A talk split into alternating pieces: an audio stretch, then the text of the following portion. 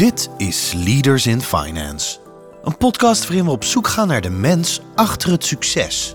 We praten met leiders van nu en later over hun drijfveren, carrière en privéleven. Waarom? Omdat er meer gesproken moet worden in de financiële sector. Onze gast deze week is oprichter van het eerste cryptobedrijf dat geregistreerd werd door de Nederlandse Bank. Crypto, dat is een behoorlijk complexe business. Kijk, als het niet complex is, dan vind ik het eigenlijk niet leuk. En omdat het complex is, kan je er ook onderscheidend vermogen in je organisatie aanbrengen. En heb je ook in potentie minder concurrenten. Want ja, moeilijke dingen doen, dat vindt niet iedereen leuk. En waarom ziet hij crypto als een grote stap in de digitale ontwikkeling? Dat je nu digitale informatie van een eigenaar kan voorzien, zonder een centrale partij, op protocolniveau, dat is echt revolutionair. En hoe houdt onze gast zichzelf scherp? Avontuur in eerste keertjes, dat is wat je scherp houdt. Ik gebruik het ook veel ook intern, dus mensen zeggen dat ook vaak tegen mij, want dat houdt je jong. Onze gast is Lucas Wensing, oprichter en CEO van crypto-vermogensbeheerder Amdax. Je gastheer is Jeroen Broekema. Welkom bij een nieuwe aflevering van Leaders in Finance. Deze week is de gast Lucas Wensing, de oprichter en CEO van Amdax. Welkom Lucas. Dankjewel. Mooi hier te zijn. Ja, vind ik ook hartstikke leuk. Leuk dat jij er bent. En voordat ik je zal introduceren, wil ik graag de partners van Leaders in Finance bedanken voor hun steun. Dat zijn EY, MeDirect, RiskQuest, Kayak en Roland Berger.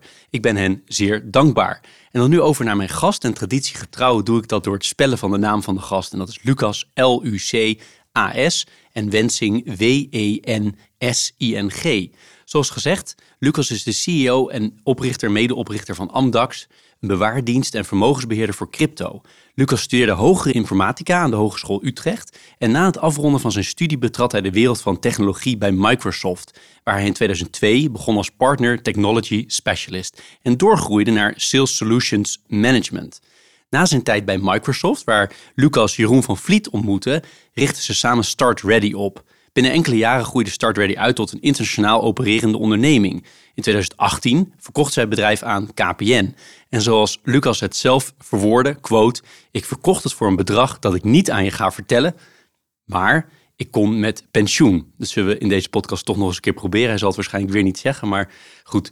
De vrijheid die de verkoop van Start Ready hem bood, stelde Lucas dus in staat om zich even terug te trekken en om na te denken over vervolgstappen. En de vervolgstap werd uh, samen met anderen het starten van Amdax. Het eerste cryptobedrijf in Nederland dat werd geregistreerd door de Nederlandse bank.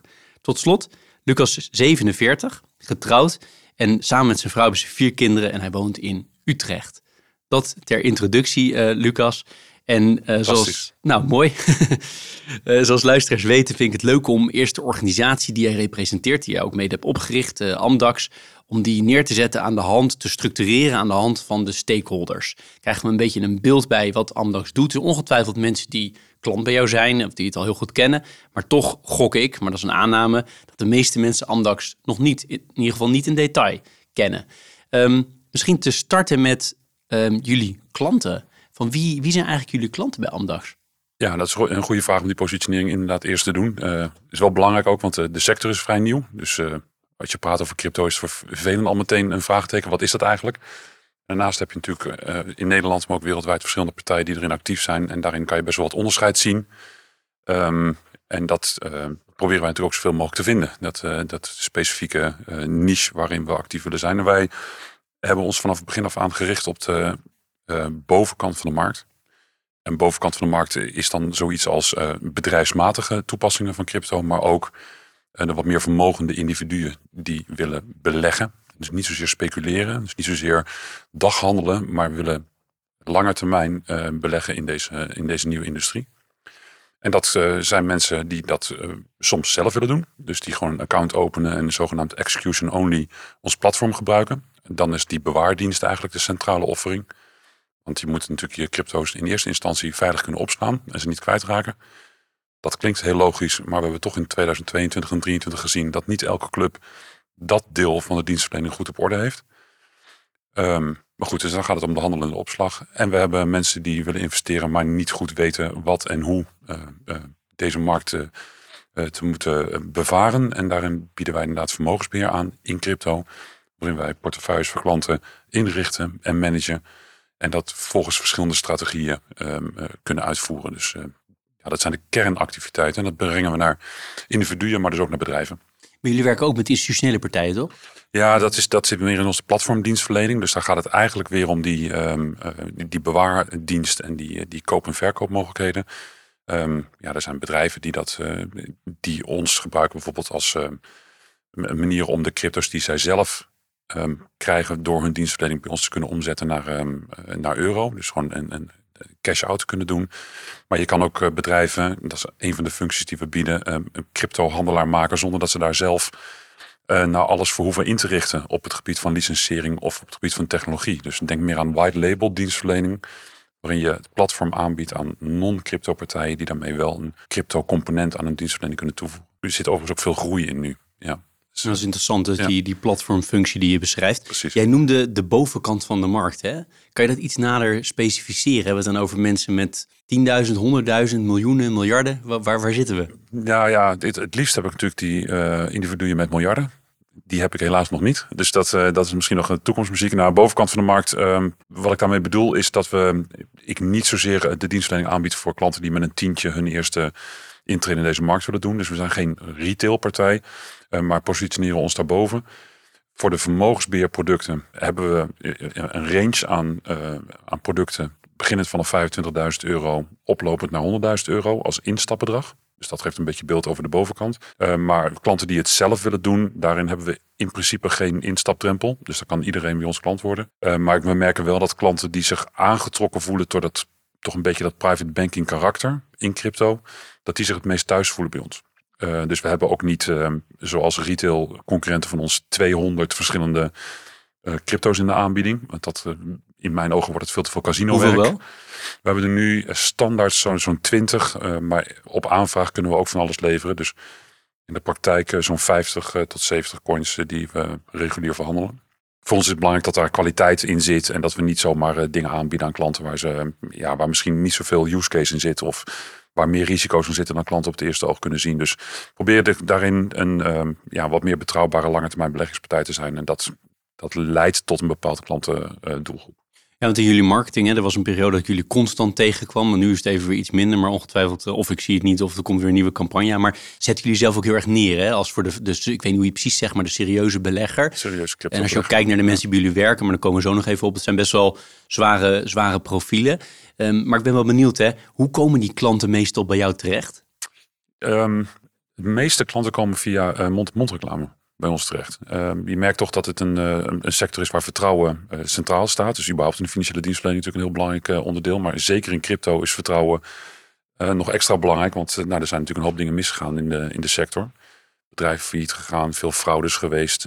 CEO's of besturen die met cryptos van klanten er vandoor gingen. Nou, eigenlijk alles wat je kan bedenken qua fraude en oplichting heeft wel plaatsgevonden. En dat, dat ligt niet zozeer aan de, aan de crypto's. Maar dat ligt wel aan het feit dat die sector in het begin gewoon slecht gereguleerd was.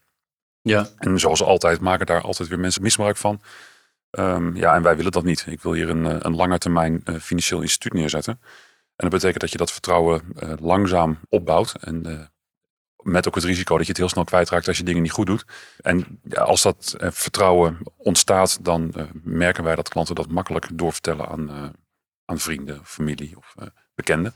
Hoe betalen die klanten bij jullie? Zijn het uh, abonnementen? Betalen ze per verhandelde asset? Of hoe werkt het? Het ligt eraan wat klanten doen bij ons. Nou, in principe, klanten betalen voor een transactie. Dus er zijn transactiekosten. Klanten betalen ook om hun crypto's bij ons in de kluis te leggen. Dus we hebben een soort van bewaarfee. Dat klinkt misschien een beetje vreemd, want dat, doet een, uh, dat zie je bij andere cryptobedrijven niet. Maar klanten krijgen daar ook wel iets voor terug. Garanderen ook dat die, uh, de crypto's die ze hebben altijd bij ons in de kluis aanwezig zijn. en dat ze dat ook altijd kunnen opnemen met de waarborgen die daarbij uh, horen. In die zin dat je ook tijdens de risicovolle momenten van uh, de dienstverlening, dat is bijvoorbeeld het kopen of het verkopen van een crypto of het, het uitcashen van een crypto, dat je in al die fases voldoende werkkapitaal tot je beschikking hebt, dat je nooit klantgeld risico hebt. nou, daar hebben we ook behoorlijk op geïnvesteerd. Het heeft ook geleid tot een, een, een audit traject en een ISE-certificering. Die heb je recent gekregen? Hebben we recent gekregen, ja. daar zijn we ook wel trots op. Want dat maakt dat je als bedrijf transparant opereert over hoe je met klantgelden omgaat. Hoe heet die certificering precies? Ja, een ISAE 3000 is dat. Daar ken je uh, ook nog eens een type 1 en een type 2 in. Het gaat misschien een beetje ver om daar in alle details over te praten. Het, uh, misschien is dat voor je andere podcast over compliance is een keer leuk om daar uh, wat meer in te zoomen.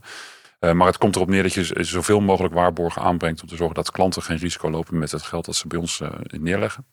Maar je hebt naar het verdienmodel, je hebt dus een, ja duidelijk, en je hebt dus een soort, uh, bij, bij, sommige dingen zoals bij de bewaardienst heb je een fee, dus dat betaal je gewoon elke maand bijvoorbeeld, ik weet niet welke, welke frequentie. En je hebt dus ook handel, dus in een volatiele markt wordt er ook meer verdiend bij jullie. Ja, dus, eh, klanten actief handelen, verdienen wij meer. En uh, voor die vermogensbeheer component van, uh, van onze organisatie, daar betalen klanten een, een management fee en een performance fee. Dat is op zich wel wat gebruikelijker ook in die Ik kan me fijn, voorstellen dat het voor jou ook fijn is dat je een aantal dingen hebt die een soort van structurele fee-stroom hebben en een aantal dingen die, nou ja, die een beetje meebewegen met de conjunctuur van de markt. Ja, het is het, het probleem van de crypto sector is dat het een ja, een enorm volatiele markt is. Uh, en dat het enthousiasme soms hoog is en soms ook heel laag is. Uh, en dat is niet de eerste keer dat we dat zien in de afgelopen periode. Dat die, die, die cycle um, heeft nu al een paar keer plaatsgevonden. Kijk, en je, als je een organisatie wil bouwen in deze sector en je wil het goed doen voor lange termijn en je gedragen als een financieel instituut, dan heb je gewoon een bepaalde hoeveelheid body nodig. Je moet een fatsoenlijke um, operations desk hebben. Je moet compliance inrichten, KYC inrichten. Je hebt natuurlijk een, een sloot uh, techneuten ontwikkelaars nodig om je platform te maken. Je hebt, je hebt sales nodig, je hebt marketing nodig. Nou, noem het op. Je moet gewoon alle componenten van een serieus financieel instituut moet je op orde hebben. Dus je kan het niet met drie man doen. Ook niet met zes. We zitten nu op een 35 uh, eh, eh, personen. En dat is, uh, ja, daarmee hebben we een aardige balans. Maar daar kan je niet zo heel veel afhalen. Ja, dat, dat kan natuurlijk wel, maar dan ga je in ieder geval je innovatie meteen uh, heel erg terug. En dan, ja, dan ik denk niet dat je veel verder komt. Die, die sector aan zich die ontwikkelt heel snel. Dan moet je ook bij blijven. Maar als je natuurlijk een bedrijf hebt waarin je minimaal zoveel mensen hebt en ook uh, daarmee een bepaalde hoeveelheid uh, kosten uh, maakt, ja, dan is het natuurlijk heel vervelend als in één keer de, de sector 80% terugtrekt. Ja, dat, is een, ja, is een beetje hetzelfde als dat ehm, we door COVID in één keer allemaal niet meer naar het restaurant mogen. En dan, ja, dan gaat een restaurant natuurlijk een, soort van subsidie aanvragen om dat te overleven. Nou, in crypto bestaat dat niet, maar het, het, de groei van je organisatie in zo'n volatiele jonge fase is, is best lastig. Ja, daar kan me voorstellen, zeker straks over hebben. Ik ben nog steeds blijven hangen bij mijn eerste stakeholder. Schiet niet echt op, maar ik vind het heel boeiend. En we pakken al wel vast wat dingetjes mee. Maar nog één ding eh, over die, of eigenlijk twee dingen over die klanten. Um, kan je inzoomen op wie dat nou eigenlijk zijn? Dus niet de namenlijsten, dat uh, lijkt me wat onhandig. Maar de leeftijd ben ik benieuwd naar. Man-vrouw ben ik benieuwd naar. En ik ben benieuwd naar, um, misschien wat lange opsomming, maar of er veel mensen uit de financiële sector zitten. Ja, nou, dat is een goede vraag hoor. Die demografische informatie is ook heel relevant. We houden dat ook heel netjes bij. Uh, dus we hebben een, uh, ja, een dashboard waarin al dit soort informatie goed zichtbaar is. Dus we, nou ja, de verdeling van uh, leeftijden is dus ook via een, een standaard belcurve goed inzichtelijk te krijgen. Ja, de piek zit tussen de 40 en de 50. De 40 en de 50? Ja, ja. dus het zijn mensen die al wat vermogen hebben. En het hoeft echt niet miljoenen te zijn, om, zoals je net gehoord hebt die serieus ehm, eh, deze sector ehm, beoordelen en bekijken en daarin actief willen zijn. Dus ze hebben ook wel een soort van innovatief karakter. Staan open voor eh, de veranderende nieuwe wereld. Um, ja, we merken wel dat hoe ouder je wordt, hoe vaak hoe minder bereidheid daarvoor is. Al hebben wij ook 80-plussers in ons portfolio. En we hebben ook eh, baby's in ons portfolio. We doen ook aan kinderrekeningen. Dus die worden enigszins door hun ouders gemotiveerd om een account te openen. Laten we het zo zeggen. En man-vrouw? Man-vrouw, ongeveer tegen de 20% is vrouw. En de rest is, heel laag. Hoe ja, komt dat? is heel laag, ja. ja. Vind ik ook vervelend eigenlijk. Want maar hoe komt het? Ja, omdat het natuurlijk een combinatie is van finance en tech. Ja, dat is toch helaas, denk ik, uh, in veel gevallen uh, niet het favoriete onderwerp voor vrouwen. Ja, dat is, uh... En doe je er iets aan om meer vrouwen tot klant te maken, specifiek gericht op hen? Nou, zeker wel. Um, kijk, onder andere lange termijn investeren is natuurlijk iets wat vaak bij vrouwen een logischere investeringsvorm is dan nou, mannen willen nog wel de dag handelen of wat meer casino uh, uh, of wat meer opportunities pakken, korte termijn denken. Vrouwen zijn als belegger vaak wat meer op de lange termijn geënt. Dat is ook uh, ons narratief. Dat denk ik ook dat dat moet met een, met een sector die zo volatiel is. Goed, ja, ze passen heel goed bij ons vrouwen. Ja. En nou goed, we hebben ze ook. En, dus, en ze lopen niet weg. Maar ik vind wel dat vrouwen aan zich investeren en crypto's, dat is.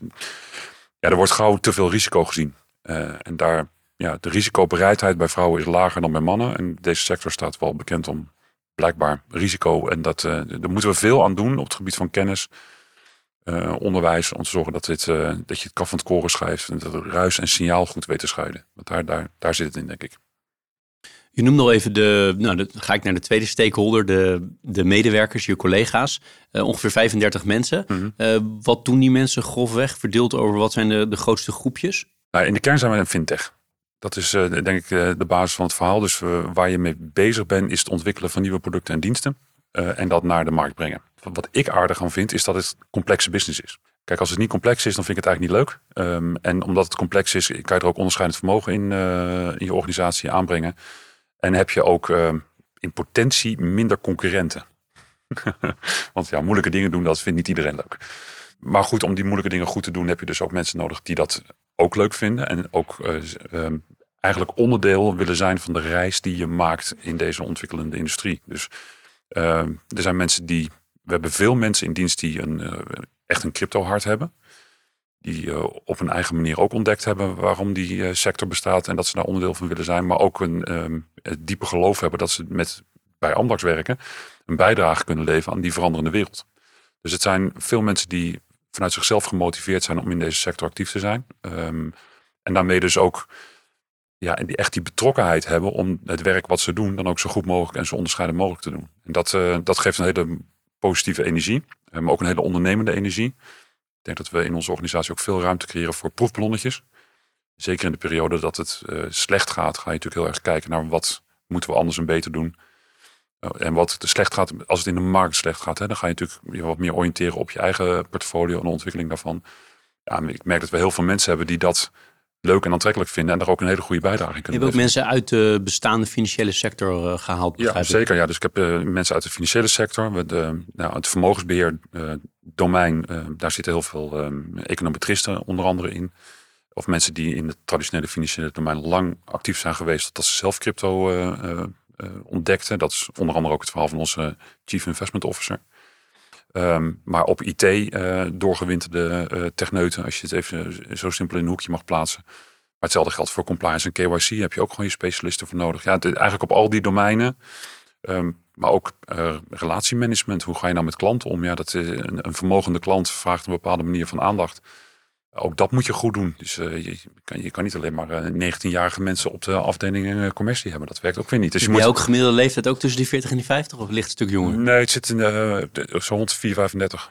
Ja, precies. Ja, maar niet, dus jij bent relatief oud? Ik ben stokoud, joh. Ja, ik ben echt stokoud. Als ik, ja, dat klopt. Ja, ben geestelijk jong, laat ik het daarop houden. Ja, voordat ik naar de volgende stakeholder ga, besef ik mij dat ik nog één vraag, subvraag vergeten was uh, te, te stellen over die klanten. De derde groep uh, was of er veel mensen uit de financiële sector bij jouw klant zijn. Veel ondernemers, veel mensen die dus inderdaad uh, geld verdiend hebben in een andere sector. Best wel wat klanten die in vastgoed ook ondernemen, tech ondernemen. Zeker ook mensen in de financiële sector. Al is een, een traditionele bankman niet als eerste geneigd om in die crypto te stappen. Ehm, maar we werken ook veel samen met banken en private banks. En private banks of uh, banken in het algemeen, die, ja, die hebben geen crypto portfolio voor een klant in de aanbieding. Klanten vragen daar wel om. En we zijn met een aantal bedrijven zover dat we een samenwerking hebben opgestart en het vertrouwen naar die private bank hebben kunnen creëren. Dat als een klant erom vraagt, dat dan de bankier en de klant in kwestie uh, bij ons langskomen om een uh, crypto-portefeuille in te richten. Hoe werkt dat precies dan? Stel, ik weet niet of het openbaar is welke financiële partij dit mee doet, maar... Nou, onder andere Van Landschot. Van Landschot uh, bijvoorbeeld, stel ik ben klant bij Van Landschot en ik zeg, nou, ik wil graag een crypto-mandje hebben in mijn, ja. als, in mijn mix van, van assets. hoe werkt het dan? Word ik dan klant bij jou of blijf je klant bij Van Landschot? Hoe gaat dat? Nee, je, ja, je blijft natuurlijk gewoon klant bij Van voor alles wat, uh, wat wij niet kunnen invullen als Amdax. Maar als daar een bepaald percentage van je vermogen dan um, uh, in crypto belegd dient te worden, of je, je wil dat gewoon, ja, dan uh, is het wel goed dat je als regiehouder van het vermogen, dat is dan vaak de rol die de private bank heeft, ehm, dat je weet dat dat onderdeel er is en ook hoe groot dat is en dat je dat belegt bij een partij die, die betrouwbaar is. En dus ja, dan kan het inderdaad gebeuren dat de bankier en de, de klant gewoon bij ons komen. Dat, maar is het best wel separaat of is het, komt het echt ook in het scherm te staan bij rond internetbankieren? Staan jullie daar ook ja, in? Dat zeg is maar? natuurlijk het, wat ik het liefste heb. En wat we technisch ook zouden kunnen faciliteren. Maar waar de bank nog niet klaar voor is. Dus je zegt het is best wel een relatief simpele API zou het kunnen zijn, toch? Nou, je of moet dat ingewikkelder dan ik denk. Ja, nou, het, um, Kijk, de, de complexiteit zit erin dat je aan het aan de wet en regelgeving moet voldoen. Dus ik moet, die klant moet echt wel mijn klant worden. Dus ik moet uh, dossierkennis opbouwen. Ik moet echt wel weten wie het is. Um, en, ja, en vervolgens moet je portfolio uh, niveaus en standen doorgeven. Dat is inderdaad niet zo heel moeilijk meer. Dat klopt. Dus, uh, maar, maar, als je het hebt over white labeling, het is niet zo dat jullie dan een mandje maken voor Van Landschot, dat ze ook echt daar kunnen uh, uitoefenen. Het is dus echt wel separaat. Ja, ja het is separaat. Maar dit, um, het is wel grappig dat je het zegt, een mandje maken wat je dan kan uitoefenen.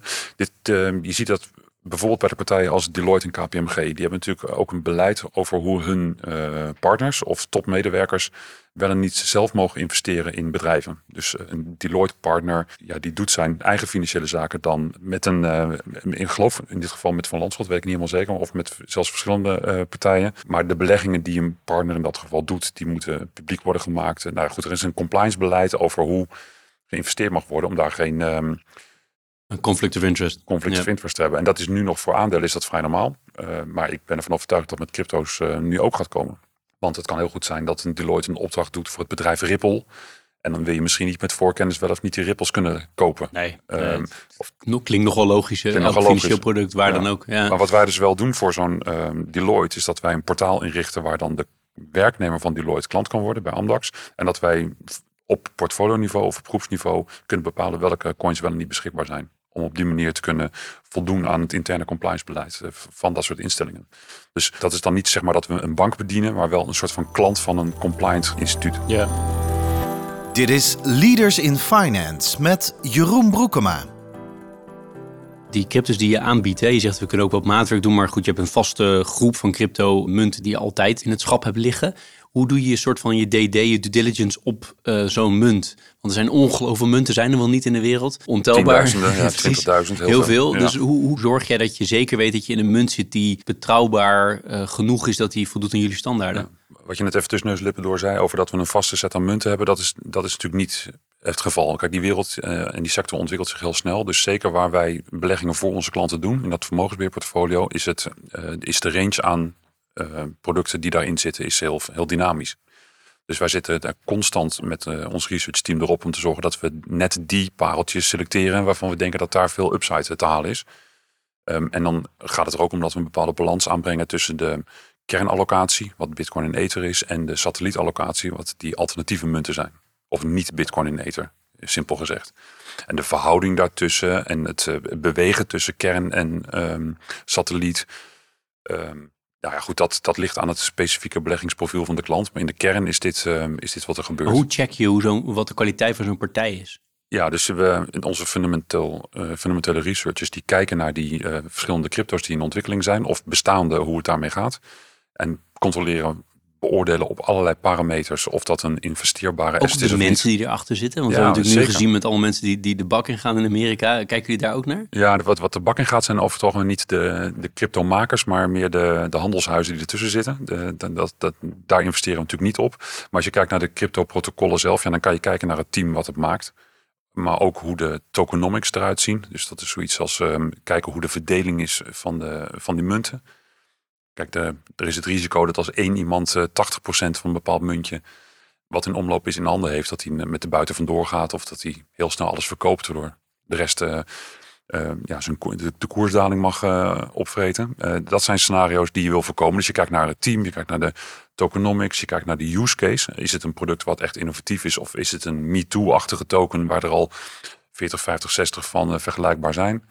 Je kijkt naar de hoe groot het ondertussen is, hoeveel is er al in geïnvesteerd. Nou ja, zo zijn er allerlei parameters waar je, waar je iets over kan zeggen. Um, en dat bepaalt dus of we zeggen dit is een, een koopwaardig iets of, uh, of niet.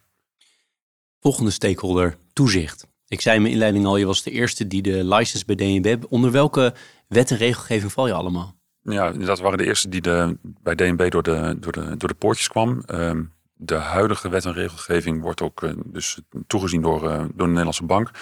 En is eigenlijk een implementatie van um, de AML D5 uh, directive. Ja, dus uh, een toewijzing. Of een toe, uh, ja, richtlijn. Een richtlijn. Goeie woord, dankjewel. Um, dat heeft geleid tot Nederlandse, Nederlandse wetgeving waar we, waar we dus aan voldoen. En dat zijn eigenlijk twee aspecten waarnaar gekeken wordt. Er wordt gekeken naar partijen die crypto's aanhouden. Dus echt bewaarpartijen. Um, en daar wordt dan toezicht op gehouden. En hetzelfde geldt voor de handel. Dus handel en opslag, dat zijn de twee activiteiten waar nu uh, de bedrijven die daarin actief zijn, uh, die moeten deze wet omarmen. En dan inhoudelijk wordt voornamelijk gekeken naar de WWFT. Dus primair gekeken dat ja, witwassen en terrorismefinanciering wordt voorkomen. En dat is dus eigenlijk heel smal. Ja, dat is maar een heel klein deel. Dus jij als bestuurder wordt niet getoetst bijvoorbeeld, terwijl je wel bestuurder van de financiële instelling bent. Ja, wordt dat gehoor valt het wel onder de Ja, aandelen we, onder we de zijn wel, ja, we zijn wel als bestuur getoetst en dus ook als individu. Dus dat, eh, maar goed, ik heb zelf natuurlijk geen achtergrond eh, in finance, eerder een IT'er. En dus je ziet dat ehm, dat wel in de breedte en ook als groep wordt bekeken. Ehm, en het zijn, we hebben überhaupt te vaak te maken met heel veel jonge eh, bedrijven. Dus ehm, er is toetsing en ik eh, heb er ook mijn persoonlijke verantwoordelijkheid voor. Dus eh, ik gedraag me netjes. Dat vind ik ook zelf heel prettig. Ehm, maar het toezicht op de sector is vrij beperkt tot voornamelijk witwassen, terrorisme, financiering. Zou je graag meer zien? Nou, niet alleen ik. Ik denk dat, eh dat het heel veel mensen zijn die dat graag meer zien. En dat gaat gelukkig ook gebeuren. Er, er is, dit is al best wel een tijdje geleden. We hebben onze registratie in 2020 gekregen. We staan nu aan de vooravond van een hele nieuwe set regulering. Dat heet MICAR, de Markets in Crypto Assets Regulation. En dat is een Europees eh, wet- en regelgevingsstructuur. Ehm, wat een aantal voordelen heeft. Als eerste is dat het toezicht veel breder wordt. Dus we kijken niet alleen maar naar de handel en de opslag. Maar er zijn een, dertiental activiteiten die een cryptobedrijf kan uitvoeren die onder toezicht komt te staan. Dus bijvoorbeeld het vermogensbeheeractiviteit. Dus activiteit is iets wat nu juist dadelijk ook gewoon getoetst wordt, waar je je kwalificaties voor moet hebben. Ook stablecoins gaan eronder vallen. Ehm, nou ja, dus er zijn er een heel, hele waaier aan ehm, activiteiten. Dus dat is fijn voor ons. Betekent ook dat wij van twee activiteiten nu eh, eerst de inschatting naar een activiteit of acht gaan, waar we dus een, stempeltje voor moeten halen. Dus dat wordt voor ons veel zwaarder. Wordt ook veel dieper in de organisatie gekeken naar structuur en inrichting. Ehm, ben ik blij mee. Want alles wat vertrouwen bij klanten creëert, eh, omarm ik. Dus ja, ik ga er ook zo snel mogelijk mee aan de slag. We zitten nu in een eh pre-scan fase samen met de AFM, die dat toezicht gaat eh, organiseren in Nederland. En dit jaar kunnen de eerste registratieaanvragen ook al worden ingediend. En dan zou per januari 25 eh, onder MICAR kunnen worden geacteerd. Dus dat is over een jaar. En ik, Je wat misschien nog wel belangrijker is, is dat we dan ook kijken naar Europese regelgeving. Dus betekent dat als je in Nederland zo'n registratie haalt, dat je daarmee, net zoals een bank in, in de Europese Unie actief kan zijn. Mogelijk met nog een klein stempeltje lokaal, maar de, de, zwaarte van de regulering is dan naar Europa getrokken. En wat, kijk, uiteindelijk kan me ook voorstellen dat er meerdere beweegredenen zijn waarom je dit goed vindt. Eén is misschien wel dat jij er relatief makkelijk aan kan voldoen, waardoor je ook, ja, het, het nou ja, en level playing field in Europa hoor ik je eigenlijk zeggen, hè, dat het gewoon wat gelijker getrokken wordt, maar ook dat je natuurlijk heel veel partijen hebt die daar niet aan kunnen voldoen. Dus vanuit concurrentiekant interessant zijn, maar het kan ook, wat jij net ook aangaf, de hoofdreden is waarschijnlijk dat je wil dat die markt gewoon volwassener wordt. En dat, dat wordt die hiermee. Ja. Maar ga je hier ook echt met deze, ehm, met Mikar, ga je daar ook echt eh, grote problemen mee voorkomen, denk je? En, en zo ja, welke zijn dat dan? Ja, je gaat ehm, het aantal waarborgen wat je als organisatie moet inrichten om je klant centraal te stellen en eh, veiligheid voor je klanten waarborgen, dat, dat neemt enorm toe op allerlei aspecten. En dat gaat natuurlijk helpen. Klanten, eh, bedrijven moeten gewoon meer hun best gaan doen en meer laten zien dat ze dingen, dat ze in control zijn. Ehm, betekent niet dat er geen, ehm, eh, geen fouten meer kunnen plaatsvinden of dat er geen oplichting meer kan zijn. Want dat gebeurt in alle industrieën. Ook bij nog steeds gewoon bij eh, de traditionele sectoren die al jaren onder toezicht staan. Dus dat voorkomt het niet, maar het maakt het wel gewoon veel volwassener. En dat is Er zijn gewoon nog veel partijen die ermee gaan stoppen, denk je? Eigen consolidatie? Ja, dat zie je natuurlijk nu ook al. In, eh, zeker met de afgelopen bear market zijn bedrijven die enkel van de handel leven, wat wel heel smal is, die zijn zo ontzettend teruggelopen in hun omzet dat die eh, ja, feitelijk geen bestaansrecht meer hebben. En ook in Nederland zien we dat best wel wat partijtjes zijn overgenomen door zeker wat meer internationaal opererende partijen die in Nederland dan die licentie voornamelijk gebruiken om eh, groei te kunnen maken. In, in Europa, dat zie je in de Coinbase of een, nou, eh, Binance is eh, vertrokken, maar we zien dat Kraken zijn intrede heeft gedaan. En eh, nou, zo zijn er wat meer van dat soort. Heb jij wel eens een partij overgenomen? De klanten overgenomen? Ja, we hebben wel eens een, een, eh, een vermogensbeheerclub eh, die dus portfolio managede. Die hebben we overgenomen. Dat is al anderhalf jaar geleden geweest. Ehm, en we hebben ook wel gesprekken gehad met, eh, met kleine cryptobedrijven die, ehm, ja, die niet zomaar toekomst zagen met die nieuwe regulering. Of ze daar een, eh, ja, of we dat zouden kunnen samenvoegen. Ja. Word je ook wel eens benaderd door de, de global giants, noem ik ze maar even, om jou eh, te kopen? Nee, nog niet. Nee. nee, maar het hele kopen en verkopen van bedrijven heeft ook echt eh, enorm stilgelegen hoor in 22 en 23. Ik zie dat nu de investeringsbereidheid in crypto en cryptobedrijven weer enorm toeneemt. Dus eh, op een global level. Dus eh, Ondertussen hebben we zeg maar de stakeholder eh, concurrenten enigszins besproken. We hebben de stakeholder eh, institutionele partijen besproken.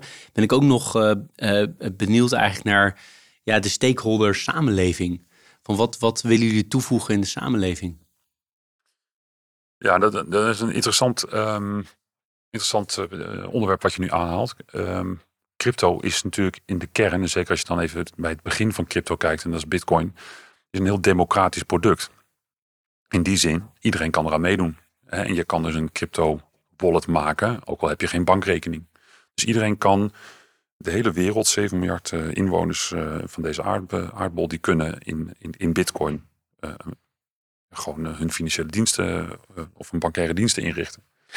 En dat is een belangrijke belofte, want er zijn heel veel mensen zonder bankrekening in deze wereld. Dus daar is geen instapdrempel. Um, en veel cryptobedrijven richten zich ook gewoon op de grote doelgroep. Dus investeren vanaf een tientje bijvoorbeeld. Dus zou kunnen zeggen, die zijn ook democratisch ingericht en daarmee beschikbaar voor iedereen. En wij hebben heel bewust gekozen voor een doelgroep die daarboven ligt. En dat vind ik zelf wel eens lastig. En dat klinkt misschien raar, want ik, uh, het is natuurlijk niet, het is niet de bedoeling dat je een democratisch innovatief product als crypto gebruikt om de rijken rijker te maken. En die uh, opmerking krijg ik natuurlijk wel eens. En dat, ik snap die opmerking ook en ik ben het daar ook mee eens. Uh, dat dat niet de kern is van waarom deze digitale revolutie plaatsvindt. Doen daar wel verschillende dingen aan. Dus sowieso als mensen zelf iets willen, kunnen ze dat gewoon vanaf, kunnen ze dat doen vanaf elk bedrag wat ze, wat ze interessant vinden. maar we hebben natuurlijk wel een beetje de uitstraling dat we de bovenkant van de markt bedienen. En dat is het, dat is het onderdeel wat knaagt bij, bij Amdax. Hoe zorg je ervoor dat je de, de brede toepasbaarheid en de belofte van de brede toepasbaarheid van Bitcoin en crypto, dat je dat goed mengt met hoe je in je organisatie, uh, met je, in je organisatie actief bent en naar de markt die je daarin bedient. Kan je technologie niet bijvoorbeeld inzetten voor, ik noem maar wat, uh, uh, NGO's die actief zijn in, in landen waar de, het reguliere financiële systeem heel erg laag niveau is, bijvoorbeeld? Zou je het daarvoor kunnen inzetten op die manier? Ja, dat kan natuurlijk zeker. Maar in welke, welke vorm zou we... Ik heb geen idee, maar ik zit gewoon met jou mee te denken. Je zegt, het knaagt een beetje mij dat ik eigenlijk ook uh, de bovenkant van de markt bedien. Dat doe ik graag, maar tegelijkertijd zou ik ook wel breder uh, het inzetbaar willen houden, democratisch willen houden. Ja. Uh, dus ik zat gewoon even hardop mee te denken van waar zou je dan je, nou, je technologie kunnen inzetten. Wat we actief aan het doen zijn, is zorgen dat de ontwikkeling die we hebben gedaan voor vermogensbeheer aan de bovenkant van de markt, dat we dat ook in een veel laagdrempeliger app naar de breedte uh, kunnen brengen. Dus dat we daarmee echt de retail klant, die wel graag in crypto actief wil zijn, maar niet weet wat hij moet kopen en wanneer hij dat moet kopen, dat, die, dat we daarmee uh, die dienst aan die groep uh, aanbieden. Dus eigenlijk een retail app voor vermogensbeheer. En dat, ja, dat komt dus ook wel een beetje uit die um, wens voor ons om niet te veel in en, één hoekje actief te zijn. En je kan het hergebruiken van je platform is natuurlijk gewoon een, ook een fantastisch extra model om te blijven groeien. Ja. laatste stakeholder die ik uh, aan bod wil laten komen zijn de, de eigenaren. Van wie, uh, van wie is Amdax? Nou, van de, van de initiële oprichters. Um, maar tegelijkertijd heeft er wat verwatering plaatsgevonden omdat we daar uh, meerdere aandeelhouders hebben toegestaan. dat zijn medewerkers. er zijn, we hebben een, een stak voor medewerkers die geloven in de toekomst van Amdax en daarop willen investeren. En daar zitten bijna alle medewerkers in. dat is een vrijwillige keuze voor die medewerkers overigens. Um, we hebben wat uh, angel investors van het, uh, van het begin. Uh, dus dat zijn toch wat meer individuen dan de, de, de, echte venture capitalists. En natuurlijk wij als, als initiële aandeelhouders. Je hebt nu alles ja. zelf gefinancierd dus?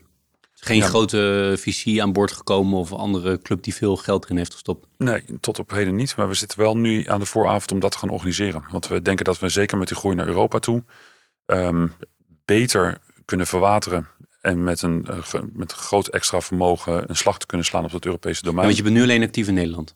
Ja, en dat komt dus, dat is dus beperkt gewoon door die regelgeving die daarin uh, in speelt. Ja. Ja. Dus je zou best zo kunnen zijn dat jullie uh, over een x-periode een grote zak met geld ophalen en de, een, paar landen gaan toevoegen. Ja, exact. Ja. En dat, dat is dan precies in lijn met de ontwikkeling van die markt, het sentiment in de markt en ook het, de wet en regelgeving die daarin beschikbaar komt. Ja. Ik weet niet of ik het mag vragen, ik mag het sowieso vragen, maar ik weet niet of ik er antwoord op krijg. Maar zijn jullie winstgevend? Nee, nee, absoluut niet zelfs. Nee, we hebben echt geïnvesteerd in de, in de afgelopen paar jaar. Um, we waren zeker winstgevend in 19 en 20, 2019, 2020. Doordat de markt volatiel was. En dat toen de markt ook heel goed was. Uh, toen waren we jong en startend en toen, toen waren we zeer winstgevend. Maar in 22 en 23 waren we niet meer winstgevend. De organisatie was gegroeid. Je kan moeilijk terug, want je hebt een bepaalde kwaliteit van dienstverlening te leveren. En ik wil natuurlijk ontzettend veel nieuwe producten bouwen. En dat kon dan niet gefinancierd worden door omzetten van klanten. Dus dat hebben we als aandeelhouders gedaan. Dus, uh, nee, maar is... theoretisch kan jij uh, strategisch beslissen morgen, ik word winstgevend. Maar dan is, gaat het ook het bedrijf niet meer groeien. Maar dan wordt het wel winstgevend, vrij makkelijk. Als je wil. Nou, niet Stop vrij met makkelijk. investeren, als je stopt met- slagronde en weet ik veel. Dat kan je doen, ja. Maar dat, dat wil ik dus niet. Ja, dat, eh, dus dat doen we niet. Nee, we investeren Nee. dan gewoon door. In welke landen wil je naartoe? Nou, het Europese Unie dus eh, primair. Ehm, en het ligt dan een beetje aan het product en het land wat je doet. Eh, want we moeten ons niet vergissen, Europa is niet overal hetzelfde. Ehm, vermogensbeheer bijvoorbeeld is een product wat heel erg gebaseerd is op, het, eh, op vertrouwen en ons kent ons. Dus als je vermogensbeheer bijvoorbeeld in Duitsland zou willen gaan doen, dan moet ik wel voor zorgen dat ik niet alleen de techniek daar naartoe breng. Dat is niet zo moeilijk. Maar dat je daar ook echt een vermogensbeheerteam hebt met, eh, met, relatiemanagers en eh, commerciële mensen. Om dat eh, op de juiste manier naar die eindklant te brengen. Want eh, kijk, we hebben nu, als, als je een vermogende Duitser bent, dan ga je naar een vermogensbeheerder in Duitsland. Net zoals dat een vermogende Nederlander dat in Nederland opzoekt. Dat, daar ga je niet zomaar de grens over. Maar voor de platformdiensten, kopen en verkopen van de crypto, zijn mensen veel meer gewend om niet zozeer aan die landsgrens te houden. Dus Ehm, en daar is bijvoorbeeld in Italië denk ik weer wat meer ehm, eh, ruimte voor, voor dat product. Product ehm, en land en moment, eh, die moeten wel met elkaar in lijn zijn. Ja, als voor vermogensbeheer moet je inderdaad, eh, zoals je zelf al suggereerde, natuurlijk ook wel een zware netwerk mensen aannemen die grote netwerken al hebben, zodat het wat, wat gekickstart wordt en vertrouwd wordt. eh, en dat is natuurlijk ook best duur. En je moet, dat is duur en je moet natuurlijk ook een bepaald positief crypto sentiment hebben. En dat is bijvoorbeeld in Duitsland wel weer zo. Er zijn veel mensen die in crypto zitten in Duitsland. Daar is überhaupt een sterke cashcultuur, ook een nogal breed eh, hoeveelheid aan banken, wat we ook in Nederland weer niet kennen. Dus er zitten echt veel regionale verschillen. Het is twee Ja. uur rijden vanaf Utrecht Ja, en je zit gigantisch. in een Je heel hebt ander 1800 banken in eh, Duitsland Ja. nog steeds, geloof ik, Ja. zoiets. Ja. en heel veel cash. Ja, en heel veel cash. Ja. Je luistert naar Leaders in Finance met Jeroen Broekema. Even iets meer draaien naar jou. Hè. Je hebt eh, in, in mijn voorbereiding hebben wij opgeschreven dat je op een bepaald moment gezegd hebt toen je genomineerd was voor de EY Emerging Entrepreneur Prijs 2022. Ik kies niet voor de gebaande paden. Dat was een quote van jou. Oh, ja. Ik weet niet of je het weet, maar Ja. dat was zo. Ehm, wat, wat, wat, wat betekent dat concreet? Nou ja, de, de- wat we nu aan het doen zijn, is natuurlijk daar een heel goed voorbeeld van. Je, ehm, uiteindelijk ga je in een sector in die eh, nog hartstikke jong was. We zijn nu al begonnen met Amdax voordat er überhaupt regulering was. Dus dat ehm, gewoon dat je gelooft in dat hier iets ontstaat wat later ehm, eh, tot wasdom gaat komen. Ja, dan dat is geen gebaand pad. Dus dan vind je dat zelf samen met de andere partijen in de terug. sector. Wat waren er meer voorbeelden van niet gebaande paden be- bewandelen? Eh, nou ja, ik heb altijd wel een eh, sterk eh, drang naar vrijheid gehad. Wat maakt dat je mm, toch in ieder geval de wens hebt om je eigen keuze te maken. En, Rebels? Nou ja, ja, dat zou je zo kunnen noemen. Ik vind het wel in, in positieve zin dan. Dat je gewoon de, de ruimte creëert om eh, te onderzoeken waar je actief in wil zijn en waar je eigen energie uithaalt. Ja, want ik zei al eerder in de inleiding, je hebt een, een eerder bedrijf gehad. Eh, hoe heb je dat opgezet? Hoe kwam dat tot stand? Ja, dat was eh, inderdaad een spin-off van de tijd dat eh, ja, die Jeroen die je net noemde en ik bij Microsoft werkten. Wij, Microsoft was natuurlijk een partij die ook partners de ruimte bood om op de technologie van Microsoft zelf te, door te innoveren. Nou, en dat is eigenlijk wat we hebben gedaan. Dus we, hebben, we zijn overgestapt van Microsoft naar een naar partner van Microsoft, waarin we bepaalde technologie over, eh, omarmden. Dat was in de periode dat dat thuiswerken eh, heel erg populair werd. Ehm, en daar had je natuurlijk technologie voor nodig om eh, nou, mensen te kunnen zien, je collega's te kunnen zien, goed thuis te kunnen vergaderen, maar ook bijvoorbeeld thuis de telefoon op te kunnen nemen. Als je vast een nummer op kantoor gebeld werd. Ja, kijk, wij zijn allebei stokoud, dus wij weten dat. Maar vroeger hadden mensen dus gewoon een vast nummer op kantoor met een toestel. En als je dus niet op je kantoor zat, dan nam niemand dat nummer op. Hoeft toch niet vast nummer te gaan definiëren nu wat het is. Nou, mijn luisteraars zijn ook redelijk... eh, Ja, precies. Nou, goed, het- ja, het, voelt toch echt als een eeuwigheid geleden. Maar dat was toen zo, dat dat bestond. En dat was natuurlijk handig als dat in je computer uitkwam. Want dan kon je overal de telefoon opnemen. Nou ja, goed. En we hebben dus een combinatie gemaakt van die thuiswerktechnologie die Microsoft toen voerde. Dat was toen Skype en Skype voor Business. En telefonie. En we- daarmee hadden we een soort van telefooncentrale. eh, Gecombineerd met eh, thuiswerksoftware. En dat, eh, dat verkochten wij aan, eh, aan klanten in het zakelijke domein. En dat deden we zelf, maar dat deden we ook met partners. En KPM was een van die partners. En dit was ook een beetje rebels. In die zin dat die technologie natuurlijk nieuw was. Dus het was ook eh, heel moeilijk om het allemaal goed geconfigureerd te krijgen. Zeker in het begin. Ehm, en je zat op het snijvlak van telecom en IT. En nou ja, de, de telecommers zaten hier natuurlijk niet op te wachten. Want dit, dit raakte aan hun verdienmodel in het verkopen van de traditionele telefoonstralen. De PBX, zoals het ook in de industrie genoemd wordt. Ehm, goed, en dan heb je dus eigenlijk tegenwerking van de sector zelf. Hè? Dus klanten zien het voordeel en willen dat wel. Die zien ook dat thuiswerken toenemen. Ehm, al was het nieuwe werken, zoals het ook wel genoemd werd, niet heel makkelijk om te implementeren bij bedrijven. Mensen zijn toch gewoontedieren. Dus we hebben heel veel moeten doen aan educatie en technische implementaties en ehm, overtuiging om te zorgen dat eh, ja, die groep klanten uiteindelijk de nieuwe technologie ging omarmen. Ehm, en na een tijdje zoveel ook met KPN gedaan dat, het, dat we met hun goede zaken deden. Dat het voor hun ook logisch werd om dan deze technologie in hun dienstverlening te hoeveel integreren. mensen run die op het hoogtepunt dit bedrijf? Ja, een man of, ook een man of 30. Ja. Ja. zoiets, ja. Ja. Was het, dat was je eerste onderneming? Ja, we hebben elf jaar gehad, eh, van kop tot staart. Ja. En dat is dus, ben je daar dus ingerold eigenlijk? Of Ja, was je dit eh, van plan? Nee, Of- nee, je ziet die, die technologie langzaam ontwikkelen en je ziet een kans en denk nou, we gaan maar eens doen. En Dat is dan Maar had je ooit gedacht, ik ga ondernemer worden daarvoor? Wel eens. Ja, dat, was, dat, dat heeft altijd wel aan me Toch ben je loondienst begonnen.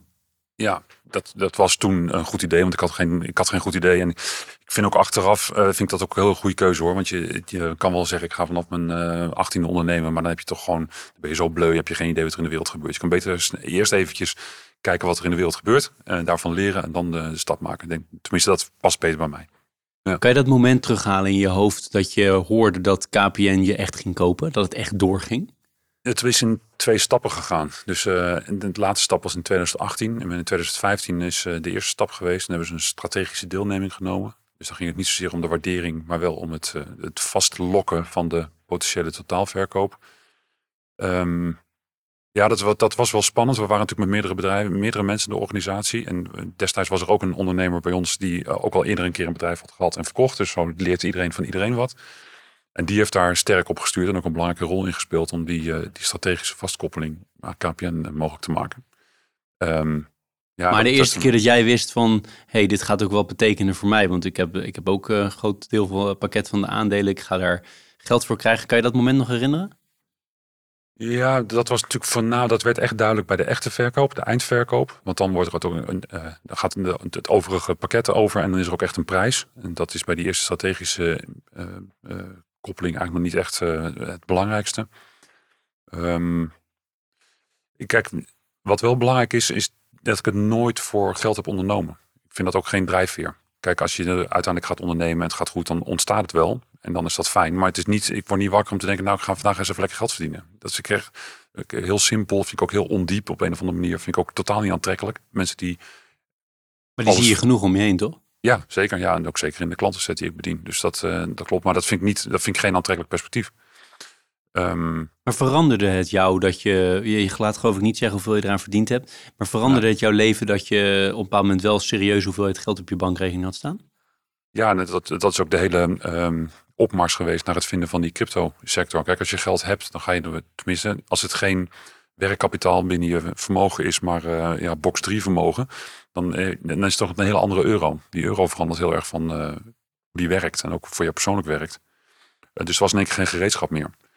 En dan ga je er heel anders naar kijken. En het was voor mij wel een eye-opener, want ik ben dus niet specifiek financieel geschoold.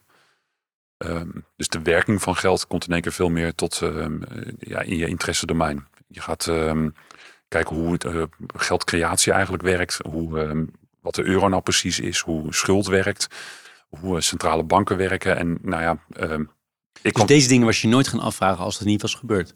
nee, dan was er ook niet geweest. op, oppervlakkiger, denk ik, ja. Ja. Dus het, het is bij mij ook echt begonnen met een interesse in wat in die cryptosector gebeurt. Als antwoord op de, de problemen ehm, die in de traditionele financiële, sector eh, plaatsvinden. En veranderde het gevoelsmatig nog iets bij jou in je leven?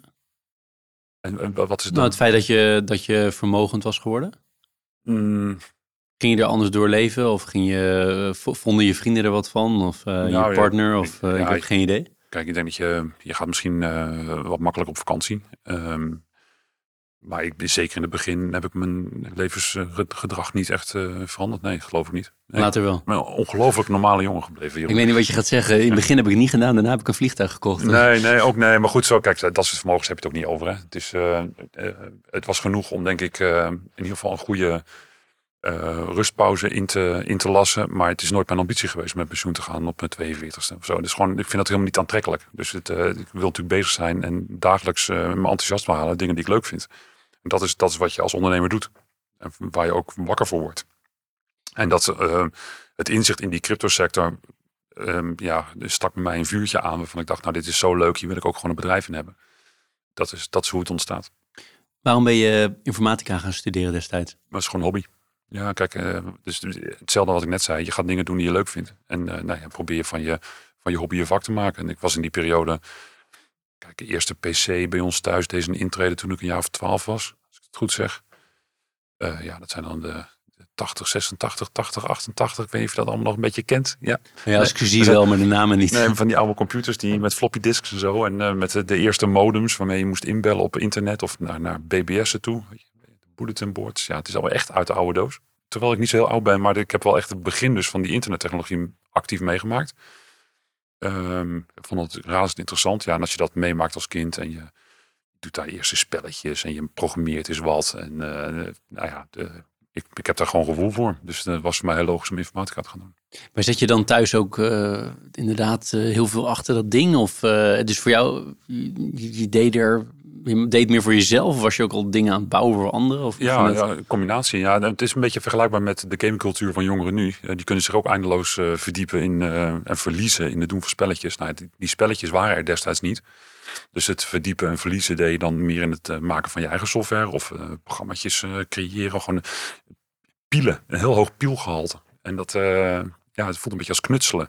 Het, het heeft niet echt een doel gehad, behalve dat je begrip voor die, voor die apparaten krijgt en eh, langzaam eh, begrip begint te krijgen voor wat de potentie kan zijn. Van je wist dus op de middelbare school, eh, ja duidelijk. En je wist dus op de middelbare school van ik ga dit doen. Ja, dat, is, eh, En dat was Utrecht omdat je daar vandaan kwam. En, En dan was het een logische keuze om dat te doen. Ja. Ja. ja. en vond je de studie leuk? Ehm, eh, ja, kijk, ik vind studeren aan zich niet zo leuk. Weet je, ik ben geen studiehoofd, geen studiebol. Ik vind de praktijk leuk. Ehm, dus ehm, ja, ik heb die studie gedaan. En dat was prima. En ik heb het ook goed afgerond, ook met een goed cijfer. En, eh, dus ik, sta daar, kijk daar, daar kijk ik wel goed op terug. Maar ehm, ja, de studie zelf. Nou, ik heb Waar toch- ging je eindopdracht over? Of je scriptie, of hoe noem je dat? Eh, Oh, dat ging over een. eh, ja, dat ging over een. Het was een technisch onderwerp. ging over een, een in-memory database. Een object-oriented in-memory database. wat is ja. dat? Nou, ik weet niet of je er heel erg op in moet gaan, maar daarmee. Ik ben wel nieuwsgierig. nou, in een database sla je, sla je natuurlijk informatie op over eh, nou, wat, wat je op wil slaan in tabellen. Eh, en daarmee kan je dus ook relaties tussen tabellen aanleggen. Dus een klant koopt bijvoorbeeld eh, producten. En dan kan je dus meerdere producten die hij koopt koppelen aan die ene klant. En dat is een relationele database. Maar je kan ook in een database, en dat was mijn opdracht, ehm, eh, statische of dynamische objecten ehm, ehm, of sessies opslaan. Dus, en daarmee kan je in plaats van een uit elkaar getrokken perspectief op hoe een klant en een relatie tot zijn orders eruit ziet, kan je dat als een wat meer levendig digitaal object opslaan en ook weer oppakken op het moment dat, het, eh, dat, je dit, dat de klant opnieuw eh, iets op jouw website doet. Oh. Ja, nou goed, het is een beetje technisch, maar Nee, je kan dus, je kan dus de status van een sessie eigenlijk in een digitaal object opslaan. Ja. Ja. Ja. Dat, Nou, daar, daar heb ik dankjewel. een, eh, Dankjewel voor de uitleg die ik nog meegedaan. enigszins kan volgen in ieder geval. En wat voor student was je? Heb je was je alleen maar aan het studeren? Was je heel erg aan het feesten ook? Of wat, eh, hoe zag het er bij uit aan het Ja, sporten? Ik denk dat ik wel een, eh, een doorsnee student was. Dus er zat een goede mix tussen eh, het café en, en, en, en studie. Ja. Ja, je hebt het, de wereldberoemde café De Witte Ballons in Utrecht. Ik weet niet of je dat toevallig kent. Ja. Ja, nou ja, dat was. dit is nu een of andere suffe kaasbar. Tot mijn irritatie. Elke keer als ik er langs loop, staat de kaasbar, de witte ballons. Vind ik echt zo'n fout. Maar goed, dat was destijds was dat eh, de, de stamkroeg waar we met ons, eh, met ons huis of met onze studievrienden naartoe gingen. Dat Ja. eh, eindeloos veel geld naartoe gebracht. Ja, ja, precies. Ja. Zorg dat er ooit weer een café in komt. ja precies. en kan je iets delen over hoe je bent opgegroeid? Ja, geboren getogen in Utrecht. En dat, ehm, eh, ja, wat kan ik erover zeggen? Ik heb een, een prima en gelukkige jeugd gehad. Met, Broers, zus, alleen? Ik heb nog een zus, een jongere zus. ehm, en ja, twee ouders, die heb ik ook allebei nog. En dat, eh, ja, daar heb ik eh, prima tijd, eh, prima tijd en prima jeugd gehad. Alle kansen gehad die ik, die ik wilde. Ehm, veel ruimte voor persoonlijke ontwikkeling. Ik ben niet in mijn nek geheigd. Ehm, ben daardoor ook wel een keertje blijven zitten, omdat ik iets te veel losgedrag vertoonde misschien. Wat betekent dat, losgedrag? Nou, te weinig. Kijk, ik ben geen schoolgaand figuur, weet je. Dat heb ik, dus dat, dat wat ik net ook al zei, het, het moet en je moet het doen. Het is belangrijk en je leert er een hoop. Maar ik had er niet per definitie heel veel lol in. Dus eh, minimalistisch. Zeker op de middelbare school. Ik was een jaartje gehad waarin ik eh, wat minder focus had. Ja. En wat, de, wat deden je ouders voor werk? Eh, mijn moeder was arts. Uh, en dat was ook eigenlijk uh, de, de persoon die altijd gewerkt heeft. En mijn vader heeft wel meer de, uh, de thuisrol opgepakt. Dat was heel modern al. Dat was toen ook al heel modern, ja. ja en die heeft op zich een, een juridische achtergrond. dus maar daar heeft hij uiteindelijk dus niet zo heel veel mee gedaan in die kant. Ik heb er wel in privé veel voordeel van gehad, maar beroepsmatig heeft hij, heeft hij er niet zoveel mee gedaan. Nee. Je hebt nooit uh, zoveel interesse in een van die twee vakgebieden gehad om bijvoorbeeld arts te worden of uh, dat soort dingen? Nou ja, artsen zijn natuurlijk over het algemeen, het zijn ook gewoon techneuten in veel gevallen. dus ik denk dat ik daar wel een stukje van het gen heb geërfd. Dat denk ik wel, ja. ja. Ja. En je, je jeugd verder qua, waren je ouders uh, gestreng? Was er veel discipline of juist niet? Nee, er was natuurlijk helemaal geen discipline. Als ik nu terugkijk, denk ik van het is, uh, de losbandigheid was juist, uh, zit ik zelf strenger in dan zij. Ja? ja. dat is een soort reactie dan. Ja, dat is, dat grappig hè? Ja. ja. Dat is grappig hoe het gaat in de generaties. Ja. En zijn er bepaalde dingen die je hebt meegekregen vanuit je opvoeding? Je zegt, nou, die waren toch wel dat achteraf ernaar kijkend. Nou ja, het valt me op dat, ik, dat, ik, dat niet iedereen dat heeft meegekregen. Of wat was heel belangrijk, laat ik het anders zeggen. Ja, wat was nou heel belangrijk? Soms eh, heb ik wel eens het gevoel dat ik het uh, geheugen heb van de goudvis. Uh, zeg maar zeven seconden lukt en daarna ben ik dingen vergeten. Dus ik heb ook een ander beeld van mijn jeugd dan bijvoorbeeld mijn zusje heeft. Dat, en er zijn dingen die zij zich dan herinnert, waar ik echt aan herinnerd moet worden. En dan komt er wel iets boven. Um, ik ben ook niet zozeer bezig met gisteren en eergisteren, maar altijd met morgen en overmorgen. Ik altijd, ook nu heb ik dan nog steeds, kijk heel erg naar de toekomst. dus een jaar vliegt ook voorbij. Ik vind het ook wel eens een manco hoor, dat je daarmee misschien niet voldoende hier en nu uh, bezig ben. En ook in de organisatie kan het uh, zijn reflectie hebben dat ik weer ja, bezig ben met wat we in 2025 gaan doen. Terwijl 24 eigenlijk nog moet starten. Maar dat maakt wel dat ik niet het gevoel heb dat ik iets gemist heb of dat er iets niet, uh, niet klopt in mijn jeugd. Altijd in die, in die ruimte net naar voren kunnen kijken, prima mijn weg kunnen vinden. Ja. In de voorbereiding hadden wij gevonden dat je erg van motorrijden houdt. Is dat iets wat je van je ouders hebt meegekregen? Houden die ook van motorrijden of is dat helemaal je eigen hobby? Nee, nee, zelfs helemaal niet. Mijn moeder is naast dat arts is ook een tijdje heeft ze ook het uh, intensive care en uh, eerste hulp gewerkt. Heel erg in het begin van haar carrière. En daar uh, werden nog wel eens verkreukelde motorrijders binnengebracht. Oei, oei, oei. Dus nee, dat was niet, was niet, daar kreeg ik niet heel veel applaus voor. Maar ik heb wel een uitgebreide brommerperiode achter de rug. Uh, waarin het sleutelen aan brommers, uh, het volledig in elkaar en uit elkaar halen van die dingen centraal stond. In ieder geval voor mij. Ik vond het ook ontzettend leuk. Ik denk ook wel dat ik een soort van handig ben daarin. Dus misschien wel een beetje ook naar die computers toe, een beetje het verlengde daarvan. Maar goed, ik deed dat natuurlijk wel midden in de woonkamer met alle prikkelen van dien. dat was misschien niet zo'n goed idee. Um, je rijdt nog steeds motor? En we krijgen dus nu nog steeds, ja, daar, daar, daaruit is die motorliefde wel uh, gekomen. Ja, dus dat doen we nog steeds. Nog een andere quote die ik graag aan je wilde voorleggen van jouzelf. Eh, ik heb er niet, staat niet bij welke bron het is, dus als het niet klopt moet je het zeggen. Maar uh, ik heb nooit iets gedaan omdat het moest van anderen. Dat is voor mij eerder een reden om de hakken in het zand, in, in het zand te zetten. Anderen meenemen in mijn visie, dat is wat me motiveert. Ja, dat is een ontzettend mooie zin. Dat ik dat helemaal zelf, dat heel, gezegd heel, heel, heel, zelf bedacht heb. Dat is, nee, maar dat is de. Nee, maar eerst hebben we dat eerste al. stukje ervan. Hè, van, uh, voor mij is het eerder een reden om het niet te doen als anderen het wel willen. Wat, wat zit daarachter? Ja, zou dingen moeten, word ik uh, recalcitrant. Ja, en dat hebben mijn uh, ouders beide trouwens ook heel sterk. Dus dat, dat, uh, dat, past wel heel goed bij ondernemerschap, denk ik, hè? Um, Ging dat wel in loondienst ja, kijk, het, dat? Je, je kan ook de reactie hebben als je iets moet doen, ik doe het niet en ik doe niks. Het zou ook tot een heel lui gedrag kunnen leiden. Maar dat heb ik niet. Nee, dus ik, ik doe heel graag dingen en ik onderneem graag. Maar niet omdat iemand anders me vertelt dat er iets moet gebeuren. Omdat ik dat, dat helemaal zelf verzin. Ja. Maar dat, dat, zit, dat zit gewoon in jou, dat is jouw karakter, zeg maar. Ja, of dat, uh, karaktertrek. Het motiveert je dan ook als mensen zeggen, dit kan niet of zo, of dit, dit lukt je niet, of dat soort dingen? Kan, ja. Dat kan me motiveren. Ja, ik vind het moeilijk om het in de algemeenheden goed, uh, uh, goed neer te leggen. Maar het is niet zo dat als iemand anders roept van dit kan niet, dat ik dat als een soort van challenge zie waar ik meteen achteraan moet rollen. Weet je, ik, daarin laat ik misschien ook gewoon wat minder beïnvloeden de anderen. Ik uh, ja, want dat vind zei, challenge zelf wel. Dat zei ook iemand, uh, dit stond ook in, ons voor, in mijn voorbereiding van dat, dat, als, dat hij vanuit huis, Lucas heeft vanuit huis heel erg meegekregen om onafhankelijk en vrij te denken. Werd ook veel gediscussieerd thuis? Of, of betwist of iets klopt of niet klopt? Of uh, dat niet per se? Nee, dat kan ik me inderdaad. Dat moet ik even in de zeven seconden regel nadenken. Of dat nou heel erg ja. centraal stond. Nee, ik kan me niet zo herinneren dat dat heel centraal stond. Nee. Die zeven nee. seconden, mooi. Prachtig. Ja. ja.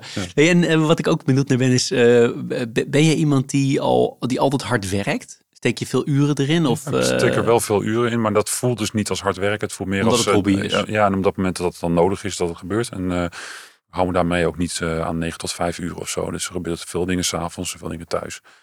Um, maar ik ik heb wel het gevoel dat daar een, een balans tussen werk en privé uh, gevonden wordt. Ik doe ook niet alles uh, extern. Hè, dus uh, het is vooral thuis een, een, iets wat beide plaatsvindt, werk en privé. Al zitten wij natuurlijk in, met, in Amsterdam-Zuid. Ik in Utrecht, dus ik ben wel veel in Amsterdam. Maar dat, eh, dat klopt, ja, gebeurt veel thuis. Mijn, mijn, vrouw is eh, ook zelfstandig ondernemer. Die is dan niet, eh, heeft dan geen bedrijf eh, met meerdere mensen, maar als zelfstandige tekstschrijver. En die heeft een beetje zo'nzelfde balans, waarin eh, ja, er gedaan wordt wat er gedaan moet worden op het moment dat dat uitkomt. Ja, en dat, dat bevalt me ook heel goed, eerlijk gezegd. Ja. Heb jij eh, eh, lastige, moeilijke momenten gehad in je loopbaan eh, als je er zo ja, een beetje op terugkijkt tot nu toe?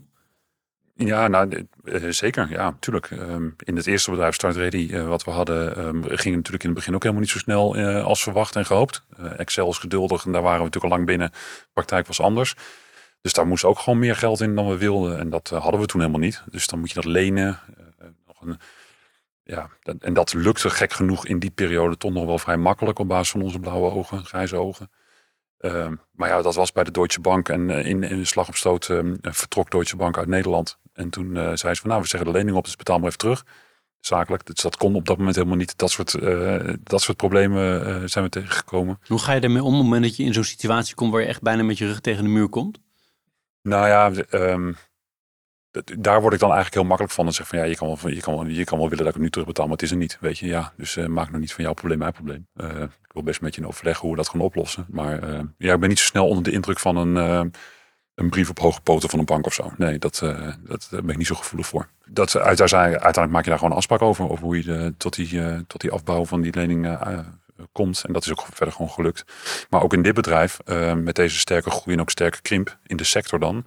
En daarin een constant eh, opererend bedrijf willen neerzetten, heeft ook tot stress geleid. Ik bedoel, zeker eh, eind 22. Dus dat schrikt wel flink in. En, eh, en dat toch ook wel bij mij. Ik denk, ja, kijk, dit moet niet eh, zomaar heel veel langer zo doorgaan. En dat ging er natuurlijk wel. eh, dus dan moet, je dan, dan moet je dan een antwoord op vinden. En dat lukt dan ook wel. Dus kijk, ja, ik, voor mezelf, als ik met mijn naar voren kijkende perspectief zie dat ehm, de risico's uit de markt zijn nu. En dat we echt weer in een bouwfase zitten. Dus voor mijn gevoel zijn we daar eh, gewoon doorheen. Word je dan gestrest op dat moment? Nou, ik word niet zo snel gestrest. Ehm, maar ja, zo rond kerst vorig jaar vond ik het wel echt een, wel echt een vervelende periode. Ja. Dat kan me nog wel goed herinneren. En waar word je wel gestrest van? Wat zijn echt dingen waar je zegt, nou daar voel ik echt eh, bij mezelf, eh, daar word ik geïrriteerd of gestrest van? Ik ben niet, ik ben niet zo'n stressvogel. Nee. Nee, ik ben niet zo snel En stress. wat, waar, wat voor gedrag word je, irriteert je? Laat ik het zo Ja, stellen oké. dan. Kijk, in algemene zin, waar veel mensen zich ook in kunnen irriteren, is domheid. Heb ik heel veel last van. Als, ik dat, als, als, dat, als je dat actief meemaakt, dat, eh, dat kan me irriteren. Ik kan ook wel last hebben van politiek. Vind ik niet. eh, dat is iets wat misschien iets van de laatste jaren is. Dat ik eh, me daar wat meer van afzonder. Wat minder mee bezig ben ook. De politiek, letterlijk de politiek in Den Ja, Haag of politiek binnen een organisatie? Nee, politiek in Ah, eh, gewoon de landelijke Ja. politiek. Ja. Ehm, dus dat je, ehm, hetzelfde geldt met eh, nieuws, hoe je daarmee omgaat. Eh, de, de, bron, nieuwsbronnen die je volgt eh, veranderen. Zo ehm, in, deze, in dit tijdperk. Het is een, denk ik een beetje teken van de samenleving. Dat mensen wat meer individualiseren. En ehm, ja, wat minder binnen de lijntjes die we gewend zijn lopen en opereren. Maar zeker met politiek vind ik het heel lastig. Er zijn te veel debatten over onderwerpen van ik denk nou... het is toch volkomen duidelijk wat je nu moet beslissen. En dat het er dan niet komt om politieke redenen, vind ik heel vermoeiend. Dit is Leaders in Finance met Jeroen Broekema. Wat ik las over jou is toch ook wel dat jij crypto en de hele, nou ja, al de techniek die erachter zit ook wel ziet als een belangrijke force voor democratie. Toch? Als ik het even zo mag verwoorden. In de kern is natuurlijk de bitcoin uitgevonden om een democratische geldstelsel te creëren. Dat is de kern van de uitvinding. Er zit natuurlijk meer achter en meer onder en daar is heel erg op doorgebouwd. Maar dat, dat spreekt me heel erg aan. Het is natuurlijk heel raar dat eh, centrale instituten de werking van jouw geld en mijn geld bepaalt. En ook eh, de waarde ervan bepaalt. Eh, ja, dat vind ik allemaal heel raar. En lukt dat democratie, democratieproject, naar jouw gevoel? Nou, dat kan je eigenlijk wel zeggen, ja. Het gaat zelfs heel goed. Het is nu zo'n 15 jaar oud, de start van Bitcoin en, en alles wat er nagekomen is. En we hebben natuurlijk deze week, tijdens de opname is nu januari, van 20, 2024 hebben we natuurlijk de beursgang van crypto meegemaakt. Eh, dus we, Wat bedoel je daarmee? nou, de, voor de mensen die een beetje opgelet hebben, die weten dat er een, eh, een lang proces gaande is geweest om ETF's, Bitcoin ETF's, eh, gelanceerd te krijgen op de Amerikaanse beurs. Een ETF is een Exchange Traded Fund, een bepaalde structuur waarin de SEC tot nu toe lang zo'n product heeft tegengehouden. Nou ja, door de omstandigheden konden ze dat niet meer. Ze hebben ook een rechtszaak verloren dat ze geen goede gronden hadden om het tegen te houden. En nou, nu moest het wel. Meerdere partijen waren in aanvraag en ze hebben besloten om dus meerdere partijen tegelijkertijd toegang tot die markt te geven, om geen voordeel te creëren bij de eerste. Dus het, het, is ook niet één beursgang, maar eigenlijk een beursgang van een acht partijen uit mijn hoofd. Of nee, negen. En ja, de, dat moet niet onderschat worden wat dat betekent. Het is niet nee, want ligt dus toe waarom dat zo, zo ontzettend belangrijk is. Je zei in het voorgesprek, zei het was uh, nu al het belangrijkste moment van 2024, behalve als er iets heel extreems gebeurt. Ja, ja dus uh, dat is nog niet gebeurd. Dus volgens nog is, uh, de, zijn de ETF-lanceringen echt het hoogtepunt van 24. kan met mijn ogen niks meer bij. De, wat het betekent is dat eigenlijk de, het is een goedkeuring van de technologie van Bitcoin. Kijk, en natuurlijk is het ook een manier van geld verdienen voor de partijen die dat ding aanbieden. Um, maar het is ook in de kern een stamp of approval, als je dat mooi Nederlandse woord mag gebruiken, van die cryptotechnologie. Want Bitcoin is niet alleen een muntje, wat veel mensen toch denken, maar het is ook een protocol. Het is ook een, het is een netwerk. Het is een manier om waarde vast te leggen en over te dragen naar een ander, zonder dat daar een eh, persoon of een instituut tussen zit. Hm, en dat is het democratische perspectief ook wat erin zit. En die technologie die is een, uh, ja, een bouwblok voor heel veel innovaties die daarna gevolgd hebben. Met de komst van die ETF wordt eigenlijk die techniek gelegitimeerd. Dus we zeggen nu, dit is, dit is disruptieve technologie. En wij als financiële sector staan daarachter. We approve this message. Beetje, een beetje dat verhaal. En uh, ja, dat gaat maken dat, het, uh, dat er geen enkele reden is om uh, hier nog tegen te zijn of om het niet te omarmen. er is geen, vanuit een technologisch perspectief is dit nu verankerd in onze maatschappij. En dat is eerder gebeurd. We hebben natuurlijk ook de lancering van allerlei internetbedrijven gehad. zeker in de, rond de internetbubbels, een dik twintig jaar geleden. Maar dat waren altijd bedrijven die iets deden met de nieuwe technologie internet. En bitcoin is aan de ene kant technologie net zoals internettechnologie. Dus dat kan je aan zich niet kopen. Maar het is ook een muntje en die kan je wel kopen. En die twee zijn onlosmakelijk aan elkaar verbonden. En uh, dat het muntje nu naar de beurs gaat, zegt ook iets dus over die onderliggende technologie. En um, daar ben ik heel erg positief over. Want dit is echt de, de volgende fase in hoe internet voor ons uh, gaat werken. We, we kennen een internet waarin het kopiëren van informatie uh, ongelooflijk makkelijk is gemaakt. De, de hele wereld zit in onze, ons mobieltje. Alle informatie over de hele wereld kunnen we binnen no time naar ons toe halen. Maar dat komt omdat het internet een grote kopieermachine is. Uh, en als ik een fotootje op Instagram zet, en jij bekijkt hem, dan weten we niet of je naar het origineel of naar een kopie zit te kijken. En uh, informatieverspreiding en acteren dus op verspreide informatie is ongelooflijk makkelijk geworden. Heeft enorm veel productiviteitswinst opgeleverd voor heel veel mensen en heel veel landen. En Bitcoin is eigenlijk de volgende slag. Dat je niet alleen informatie kan delen, maar dat je ook bezit kan aantonen. Dus ik kan nu daadwerkelijk zeggen, dit stuk informatie, deze munt, maar ook dit kan ook dit project zijn of deze, dit stuk tekst waar mijn vader mee bezig is, of dit, uh, of dit concertkaartje, of verzin het maar op. Alles wat een digitale vorm heeft, kan je nu van eigenaarschap voorzien. En dat is gewoon nodig om de volgende 20 jaar internetrevolutie uh, weer mogelijk te maken. We zitten aan het eind van de kopieersnelheid. Daar gaat niet zoveel productiviteit meer uitkomen, maar het feit dat je nu digitale informatie informatie digitaal geboren wordt, digitaal weer doodgaat, van een eigenaar kan voorzien, aantoonbaar van een eigenaar, zonder een centrale partij. Hè? Dus niet dat Facebook zegt dat het mijn foto is, want dat, dat hadden we al.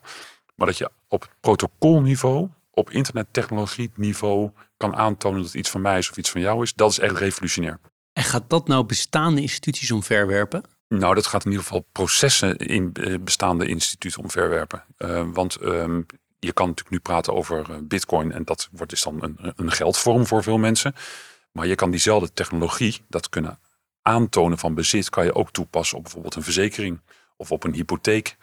Uh, bij een hypotheek uh, heb je te maken met een, uh, met een stukje vastgoed, met een, een financiële, met, met, met een geldpot, met een terugbetaling van die geldpot, met een rentecomponent, met een, daar zit een notaris speelt een rol, een verzekeraar speelt een rol geldaanbieder en de, en de consument die zich moet gedragen naar het contract.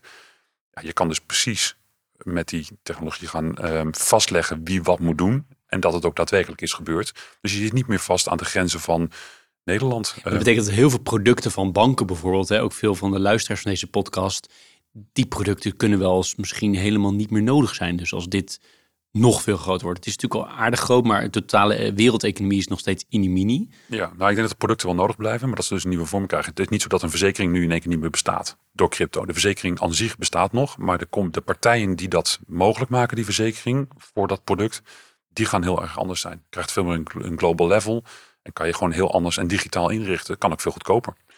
Uh, dus meer mogelijkheden, sneller settlement, ehm, meerdere partijen die erop actief kunnen zijn. Uh, ja, maakt de, gaat de wereld echt heel erg veranderen. En zie je dan uh, bestaande financiële grote instellingen, bijvoorbeeld in Amerika of in Japan of in Europa of waar dan ook, die, waarvan jij het gevoel hebt, die lopen echt wel voorop als het gaat om de adoptie van crypto en alle techniek die erachter uh, achter schuil gaat? Mm, ja, zeker wel. Je ziet, ook, je ziet ook in Nederland wel verschil. Misschien is het makkelijk om daar even op in te zoomen. Ja. Um, kijk, um, de, de traditionele um, financiële producten zijn natuurlijk gewoon de, vastgoed um, of aandelen of obligaties, bedrijfsleningen daar bijvoorbeeld in. Een bedrijfslening kan je natuurlijk prima in een crypto vorm naar de markt brengen. Dat, uh, daar kunnen mensen zich vrij makkelijk voorstellen. Maar wie gaat dat nou als eerste doen? Gaat nou een bestaande bank die normaal de obligaties uitgeeft in een crypto-obligatie uitgeven? Of gaan we in, het, in de cryptosector naar een hele nieuwe obligatievariant toe. En we kopiëren dat en we gaan als cryptosector dit, uh, dit nieuwe product op de markt zetten. Nou, we zien dus dat nu beide gebeurt.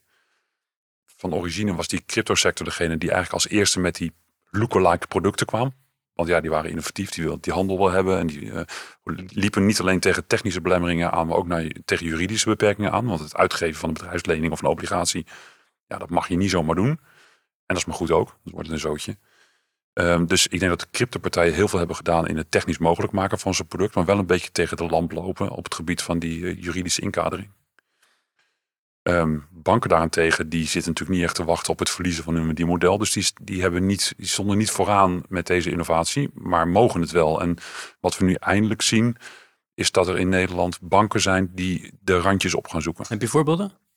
Nou, ik weet dat uh, de ABN AMRO bank heel ver is dat zou je misschien niet uh, verwachten als eerste idee, maar die, die zitten op dit gebied, zijn ze echt ver met het uitbrengen van uh, bedrijfsleningen, obligaties uh, in een crypto variant. Daar hebben ze nu ook al verschillende proefjes mee gedaan. Dus dat zijn dan altijd beperkt in bedrag bijvoorbeeld, of beperkt in degene die zo'n obligatie koopt. Allemaal in het in proeftuinkarakter, maar wel echt een crypto variant. Um, krijg je ook met wet en regelgeving te maken waarin ze wel bijvoorbeeld een obligatie mogen maken, maar weer eigenlijk niet mogen verkopen, want ze hebben geen crypto-licentie. Dus je komt dan een beetje in het grijze gebied dat, je, dat een bank misschien wel moet samenwerken met een cryptopartij. Of zelf een crypto-licentie moet gaan halen om dat soort dingen te gaan kunnen. Dus nou, we proberen, wij zijn er natuurlijk, we proberen daar onze betrokkenheid in te hebben. En hierin zie je veel lokale verschillen. Dus uh, ik noem nu even ABN het voorbeeld. Dat kan je ook gewoon op het internet vinden. Maar ABN loopt hier, denk ik, met zijn activiteiten wel behoorlijk voorop. Als ik naar de andere banken kijk in Nederland, dan zie ik, dan zie ik gewoon helemaal niks. Het lijkt wel alsof die uh, omarming daar gewoon totaal niet plaatsvindt. Alsof het alleen nog maar gezien wordt, uh, crypto is voor criminelen. Weet je? En, dat, in jouw ogen gaat dat hen ook in de problemen brengen? Ja, absoluut. absoluut ja. Het, is, het is heel naïef en uh, ook arrogant om te denken dat deze bestaande huisje, heilige huisjes wel zo blijven bestaan tot in de lengte der dagen. Dat gaat echt niet gebeuren. En ook de wet en regelgeving is er niet naar. Je ziet dat het MICAR, waar we het net over hadden, heeft heel veel overeenkomsten met MIFID. Weet je, en dan zitten we echt niet zo ver meer van de traditionele financiële sector af. Dus um, het is een, uh, je moet hier niet je ogen versluiten. De, de beursgang van crypto heeft plaatsgevonden. De legitimering van de technologie heeft plaatsgevonden. Wet en regelgeving is echt aan het opschuiven. Zeker in Europa lopen we erop voorop. Um, deze sector gaat gewoon ongelooflijk exploderen in de komende jaren. En uh, dat is niet iets wat we zagen toen we in 2018, 2019 mee begonnen. Ja, wel de potentie, maar dat het nu dus binnen een paar jaar, want je hebt het over een paar jaar, dat het toch echt gebeurt. Ja, dat is dat je, dat je daarin actief mag zijn, dat je daar een bedrijf mag hebben, dat je daar bij mensen mag werken die dit ook mooi vinden en daarin actief uh, hun maar als je dan kijkt naar die, ja, dat voor jou, voor jou als dat je beleving is, dat natuurlijk geweldig. Maar als je kijkt naar die paar honderdduizend mensen, ik weet niet precies hoeveel te zijn, maar die in de, de, de meer traditionele, dus aanhalingstekens, uh, financiële sector werken, um, heeft maar een heel klein dit, dit door in jouw beleving? Of is dat mm, groter dan we ja, denken? Ik denk dat mensen het wel bij uh, uh, in hoofdlijnen doorhebben, maar niet goed weten hoe ze daarmee om moeten gaan of moeten acteren. Ook de snelheid onderschatten. Dat is natuurlijk een uh, standaard menselijke fout. Kan je mensen niet echt kwalijk nemen. dus korte termijn overschatten, lange termijn onderschatten. En we zitten nu gewoon echt in, dat, in een kantelpunt waarin de impact heel groot gaat worden. En wat adviseer je dan de, de top 50 grootste financiële instellingen in Nederland in die raad van bestuur? Stel, jij komt daar een, zou daar een presentatie geven bij, die, bij al die 50. Wat staat er dan echt groot op jouw slide? Uh, het begint met, uh, met kennis delen. Want dat, dat is de reden waarom het onderschat wordt. Is dat mensen toch onvoldoende begrijpen wat er nu uh, daadwerkelijk gebeurt. En met welke snelheid dat gebeurt. daar moet gewoon er moet, er moet meer begrip gecreëerd worden. En wat zou je als eerste doen, zeg maar, als je in die board zou zitten? Nou, ik zou eens maar eens vragen of ze zelf weten wat crypto is. Oké, en dan zijn ze geïnformeerd. En dan hm. praktisch, wat, wat moeten ze een, een, partij zoals jij overnemen? Of moeten ze, ik weet niet, nou eigen... eigen uh, je kan ons nu niet overnemen, het is nu veel te leuk. Dus dat gaan we nu niet doen. Um, nou, ja, ze moeten, zich, ze moeten een kennishuis gaan oprichten. Uh, of een aansluiting zoeken bij een partij die dat kan om hun diensten te gaan vernieuwen en te gaan verbeteren. Investeren in kennis, nummer één. Ja, investeren in kennis en vervolgens daarin uh, ja, zo snel mogelijk uh, serieus mee gaan experimenteren. Je luistert naar Leaders in Finance met Jeroen Broekema. We hadden een, zo op 80, 90 procent van het gesprek hebben we een pleaser en een teaser. Aan de teaser de kant hebben opgeschreven uh, los van hoe enthousiast je kan zijn, jij en mensen die, die dit mooi vinden, over alle achterliggende techniek. Uh, jij kan toch enigszins begrijpen dat er veel mensen zijn die zeggen dat crypto, cryptohandel, puur de handel erin, um, een soort windhandel als windhandel gezien kan worden. En dat er vergelijkingen ook met de tulpenmanie gemaakt worden van een paar honderd jaar geleden. Ben je het daarmee eens? Ja, nou, er zijn natuurlijk crypto-projecten die zeker deze karakters hebben en de karakteristieken hebben. Dus en daar moet je ook weg van wegblijven. Of ja, dan kan je in meelopen en toevallig een beetje geluk hebben. Maar daar moeten we niet veel meer uh, aan toekennen dan dat. Nee, kan ook opeens nul zijn, dus wint. Ja, gebeurt. Ja, dat zeker. Maar kan ook bitcoin opeens nul waard zijn? Nee, dat kan niet meer. En waarom niet? Nou, omdat we daarin een andere volwassenheidsfase zitten. Uh, waar, ik het, waar we het net al over hadden. Met die legitimering onder andere door de beursgang van bitcoin. Um, en ook omdat het project niet zo in elkaar zit dat dat een, um, een, een eh, piramidespel is of zoiets. wordt natuurlijk wel eens gezegd, maar er is niks in het crypto of in het bitcoin project wat lijkt op de uh, karakteristieken van een uh, piramidespel. En dat wordt dan wel geroepen door mensen die het zogenaamd weten. Maar dat, dat klopt gewoon niet. Maar als ik een aandeel koop nu, een regulier aandeel koop op de, de beurs, dan is daar zit daar een heel bedrijf achter die ja. producten maakt en verkoopt en daar eh, wel of geen geld mee verdient. Ja. Uh, maar er zit in ieder geval een heel bedrijf achter. Mhm. wat, wat, is hier de onderliggende, het onderliggende bedrijf? Nou, dat is het niet, hè? Want uh, Bitcoin is geen bedrijf. We weten niet eens wie het bedacht heeft. Er is geen CEO, er is geen board van Bitcoin. Het is gewoon een protocol, net zoals internettechnologie. Um, het is toch een beetje dezelfde vraag. Heeft internettechnologie waarde? Ook al heeft, is internet geen bedrijf. Uh, ik denk dat niemand zou zeggen, nee, internet heeft geen waarde. Want het heeft juist heel veel waarde toegevoegd. En dat is wel een beetje hetzelfde met, met bitcoin. Dus waar het op zit, is onder andere het aantal gebruikers. Hoeveel mensen gebruiken die technologie nou daadwerkelijk? En in hoeverre is die technologie te gebruiken voor verdere innovaties? Ja, en daar zijn we nu al 15 jaar mee bezig. En het aantal deelnemers neemt alleen maar toe. Het aantal transacties neemt alleen maar toe. Er zitten overduidelijke voordelen op ten opzichte van het gebruiken van het traditionele financiële of het bankaire systeem in heel veel use cases. Um, en we zien dat mensen in verschillende landen om verschillende redenen met die bitcoin bezig zijn. Kijk, in Nederland zijn we met bitcoin bezig omdat we dat als technologie interessant vinden. Of omdat we erin um, in willen sparen, uh, bitcoins sparen, uh, zeg maar beleggen in bitcoin. Dat is een goed idee, denk ik. Maar we zijn er niet voor om te betalen met bitcoin. Want het betalen in Nederland gaat gewoon ongelooflijk goed door alle banken goed gefaciliteerd. Maar dat betalen is in andere landen echt een heel groot probleem. Maar het is ook een heel groot probleem als jij nu iets wil betalen in uh, Zuid-Amerika. Want dan ga je over een aantal bankschijven heen waarvan je niet wist dat ze er lagen. En dat het misschien wel een week kan kosten voordat het geld daar is. Um, dus het ligt heel erg aan de use case of, of dat product goed bij je past. Maar ja, um, heleboel landen waar bankrekeningen überhaupt niet te krijgen zijn, wordt gewoon crypto gebruikt internationale betalingen wordt heel veel crypto gebruikt. Um, ja, er zijn een zat van uh, use cases die verschillend kunnen zijn op de, planeet waar je, uh, plek waar je zit. Heb je zelf veel crypto? Ik heb crypto, ja. En veel verschillende munten? Of? Ja, verschillende. Nou, kijk, ik vind Bitcoin is de kern, dus daar, daar, moet je, daar moet je overgewicht in zitten, denk ik. Maar er is niks mis mee met kijken wat er nog verder qua innovatie En je investeert nog steeds nieuw of is het allemaal oud wat je ooit erin hebt gestopt? Of? Nee, nou, ik, ja, je gaat ook met je tijd mee. Dus wat uh, zeg maar uh, vijf jaar geleden een mooi nieuw innovatief project kon zijn, is dat misschien nu niet meer. Dus nee, je wisselt daar wel een beetje in, ja. Ja. Aan, de, aan de pleasende kant uh, vragen we altijd of je, of je graag leest en of je een bepaald boek of boeken hebt, of misschien kan ook film of documentaire zijn, die je met ons zou willen delen. Ja, nou, het lezen is voor mij een uh, hobbymatige activiteit. Dus dat doe je op het moment dat je daar tijd voor hebt en ook je, ook je, je kop ernaar staat, om het zo te zeggen. Dus uh, uh, ja, het is niet dat ik een hele rij eh, boeken naast mijn bed heb liggen. recent op vakantie ehm, een boek kunnen lezen over, ehm, de on, over Namibië. Daar waren we op vakantie. Ik ben Hendrik Witbooi, heet dat. Dat is een van de grootste vrijheidsstrijders geweest. In ik ben Hendrik en dan? Witbooi. Witbooi. Witbooi vrijheidsstrijder geweest ja, om racisme en onderdrukking in die periode dat Namibië gekoloniseerd was. ja, daar was hij voorvechter van. Dat was alles behalve een chique periode. Er is heel erg veel misgegaan. En er is veel kritiek op wat in Nederland is gebeurd natuurlijk rondom het koloniale tijdperk. Nou, ik zou je zeggen, Duitsland kan er ook wat van. Uh, is niet chic, maar wel heel goed om daar wat over te leren. En zeker als je, daar wat, als je dat leest over hoe dat eind 19e eeuw zijn beslag had. En je dan zie je ook nog steeds als je daar rondloopt en bent, um, hoe die historisch een effect heeft op het, uh, dagelijks leven nu. En er zit dus dan gewoon uh, dik 150 jaar tussen, zeg maar. Vond ik indrukwekkend. een verdiepingsslag kan veel doen met je perspectief en je blik. in algemene zin, maar dat vond ik mooi. maar ja, voor mensen die eh, hier leven en nu leven, zou ik uh, gewoon het uh, recente boek van Bert en Peter Slachter aanraken, aanraden. Dat is Ons Geld is Stuk, heet dat. Wat vond je daar mooi aan? Nou, dat is een perfecte introductie met heel veel goede voorbeelden en ook um, goed en makkelijk beschreven over um, hoe het financiële stelsel werkt, wat daar anders en beter aan kan en ook hoe Bitcoin werkt en hoe die werelden elkaar raken. En waarom het gewoon een goed idee kan zijn om te begrijpen eh, wat daar nu gaande is. En dat, uh, dan zou ik dat maar gewoon uh, nemen. Mooi, twee, twee mooie boeken. Dank je daarvoor. Ja. Of dank daarvoor.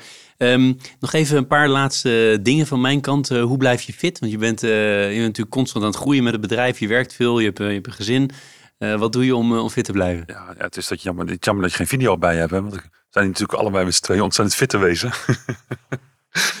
Nou ja, nee, ik, ik vind uh, bewegen best wel fijn. Dus ik ga naar de sportschool. En uh, als het iets lekkerder weer is, wil ik ook nog wel hardlopen. Maar dat vind ik dan nu... Uh, doe je dat dan 1, 2, 3, 4, 5 keer per week?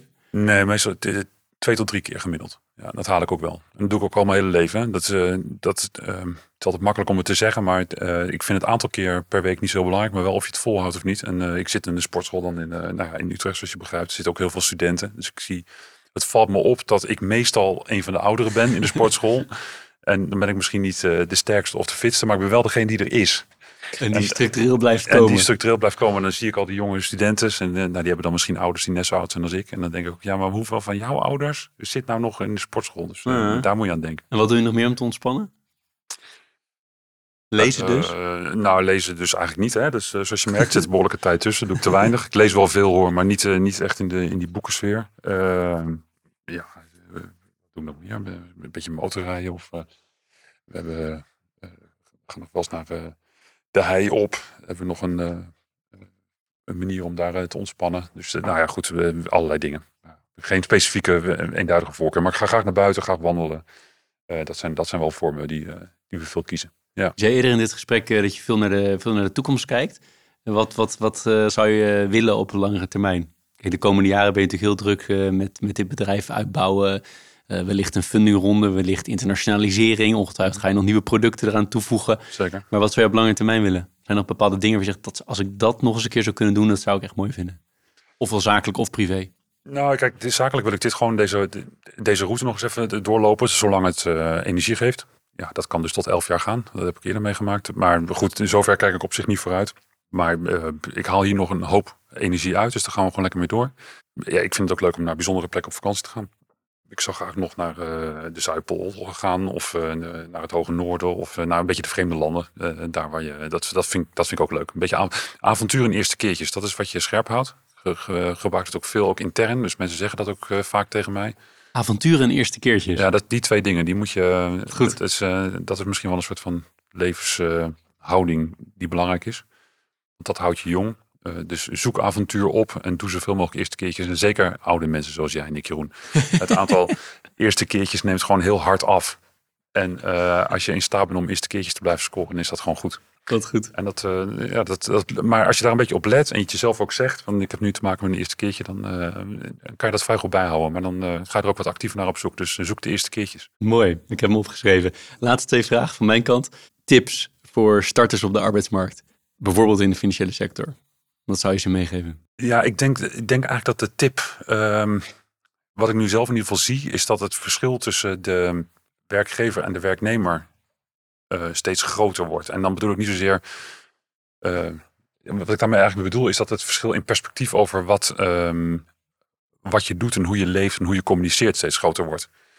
En die, die brug wordt ook steeds moeilijker om te, om, te, slaan. En dat moet van twee kanten komen. Dan moet zowel die die jonge, enthousiaste nieuwe medewerker in de financiële sector doen. Maar ook die, de, de oudere persoon die jou waarschijnlijk Wat moet aanneemt. je precies doen dan, heel concreet? Nou ja, ehm, om maar even de, de TikTok-generatie te noemen. eh, hoe die eh, communiceert en met anderen bezig is en ook zijn informatie tot zich neemt. Er wordt natuurlijk steeds minder diep en gefocust over iets nagedacht. En dat, eh, dat zie ik ook in mijn eigen familie. Het is gewoon moeilijk. Het, eh, en dat maakt dat studeren lastiger wordt of echt kennis opdoen lastiger wordt. Maar betekent ook dat als je iets wil positioneren naar een ander toe, dat je, dat je wel echt heel goed na moet denken over hoe je iets eh, bondig en pakkend en eh, met een bepaalde vorm van enthousiasme en nou ja, over de vorm nadenkt, hoe je iets bij, eh, bij nieuwe medewerkers neerlegt. Het is, ja, anders, anders dan ga je elkaar niet meer vinden. Dan, en dat, is een, dat is een groot dilemma. Bijvoorbeeld de meeste informatie over wat er actueel in de cryptomarkt gebeurt, die is op Twitter. Ja, Twitter is natuurlijk net zo vluchtig als een Instagram of een andere platform. En hoe vind je nou effectief en efficiënt je weg op Twitter? Dat je wel de informatie krijgt, eh, zonder dat je helemaal verliest in dat, in dat, ja, dat er ook een beetje giftige sociale platform, wat het, eh, wat het ook kan zijn. Ehm, ja, dat gaat niet meer. Dat, dat, zijn, dat zijn dingen waar we met z'n allen toch veel sneller aan moeten wennen en moeten veranderen dan we misschien Dus hopen. hoe vatten we deze tip samen? Hoe vind je dit? eh, wat is nou eigenlijk de tip? Ja, wat is nou precies de Nou, tip? Je, je- echt verdiepen, is dat echt de tip? Ja, je moet je, je, moet je verd- verdiepen als, je- als je, moet je als je moet je verdiepen als eh, potentieel nieuwe medewerker in de business of de sector waar je in zit. Mhm. En dat moet je ook met een beetje pijn doen, denk ik, want het is niet het meest laagdrempelig om te doen.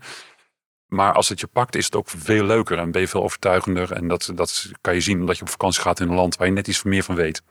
ehm, dan dat je van tevoren had ingeschat. Ehm, of omdat je in, ehm, ja, voor, voor de sector waar je gaat werken gewoon die verdieping eh, eh, hebt gekozen. En aan de andere kant moet de werkgever ehm, bereidheid hebben om te zien dat de nieuwe generatie medewerkers gewoon anders georganiseerd is en anders werkt dan eh, die van tien jaar geleden. En dat het verschil is gewoon heel groot. Het verschil tussen nu en tien jaar is gewoon heel erg groot. Het is echt een hele andere generatie. Merk ik ook echt aan de mensen om ons heen. En het, het boeien en binden van die mensen gaat op een andere manier. Drijfveer introduceren, blijvend communiceren in, ons geval en over wat deze sector gaat betekenen en waarom je daar onderdeel van wil zijn, dat maakt ook dat je in slechte tijden eh, succesvol blijft. Want ja, weet je, die twee jaar bear market die eh, in crypto is geweest, dat is, niet motiverend voor mensen. En zeker niet voor mensen die carrière willen maken, want het is gewoon doorbijten. Weet je, je verdient geen, geen, geen pepernoot. Klanten vinden is lastig. Ehm, je hebt klanten aan de telefoon die klant zijn, die zijn natuurlijk zagrijnig, want eh, de sector gaat naar beneden. Eh, dan moet je toch echt je eigen, je eigen pad vinden als het gaat om het ontwikkelen van je bedrijf, je diensten. Dan vind ik dat toevallig heel leuk. Dus dat gaat me dan wel goed af. Eh, met ups en downs en dingen proberen. Dingen die je ook weer nadat je weer stopt en afschrijft. En op, die manier eh, handelen en acteren. Dat is iets waar ik merk dat als je dat goed weet te communiceren. Dat je daar mensen heel enthousiast en, en betrokken kan blijven houden. Ook al is het, is het gewoon buiten heel slecht weer. Zou een mooi einde kunnen zijn, maar ik stel toch altijd nog de vraag van... Heb je nog iets waarvan je zegt, eh Jeroen, we hebben heel veel besproken, maar dit had ik toch wel heel graag nog willen zeggen. Dan is dit het eh, moment voordat ik je ga bedanken. Je hebt eh, op een of andere manier de gave om alles wat belangrijk is eruit te trekken. Dus dat, dat is je gelukt. Ik denk niet dat hier nog iets toegevoegd moet worden wat we echt volledig vergeten zijn. Nee. Nou, heel veel dank. Ik, ik zei dat we ongeveer een uur zouden gaan praten. Nou, dat is totaal mislukt. Maar goed, dat is eh 100% mijn schuld. Maar ik wil je wel heel, heel erg bedanken voor alle tijd die je hebt genomen om zo- zo'n heerlijk rustige stem heb je waar je alles prachtig gestructureerd uitlegt. Dus heel veel dank ervoor. Ik wijs er nu naar. Ik heb zo meteen een cadeautje voor je eh, om, je om mijn dank extra kracht eh, bij te zetten. Eh, voor nu eh, nogmaals eh, heel fijn dat je de tijd hebt genomen om met eh, Leaders in Finance met mij in gesprek te gaan. Dankjewel. Graag gedaan. Dit was Leaders in Finance. We hopen dat je deze aflevering met veel plezier hebt beluisterd. We stellen je feedback erg op prijs. Wat houdt je bezig en over wie wil je meer horen? Laat het weten via een Apple of Google review. Dat kan ook via de sociale mediakanalen of direct via een e-mail. We kunnen het enorm waarderen als je dat doet. Tot slot danken we onze partners voor hun steun. Dat zijn EY, MeDirect, RiskQuest, Kayak en Roland Berger. Tot de volgende Leaders in Finance en bedankt voor het luisteren.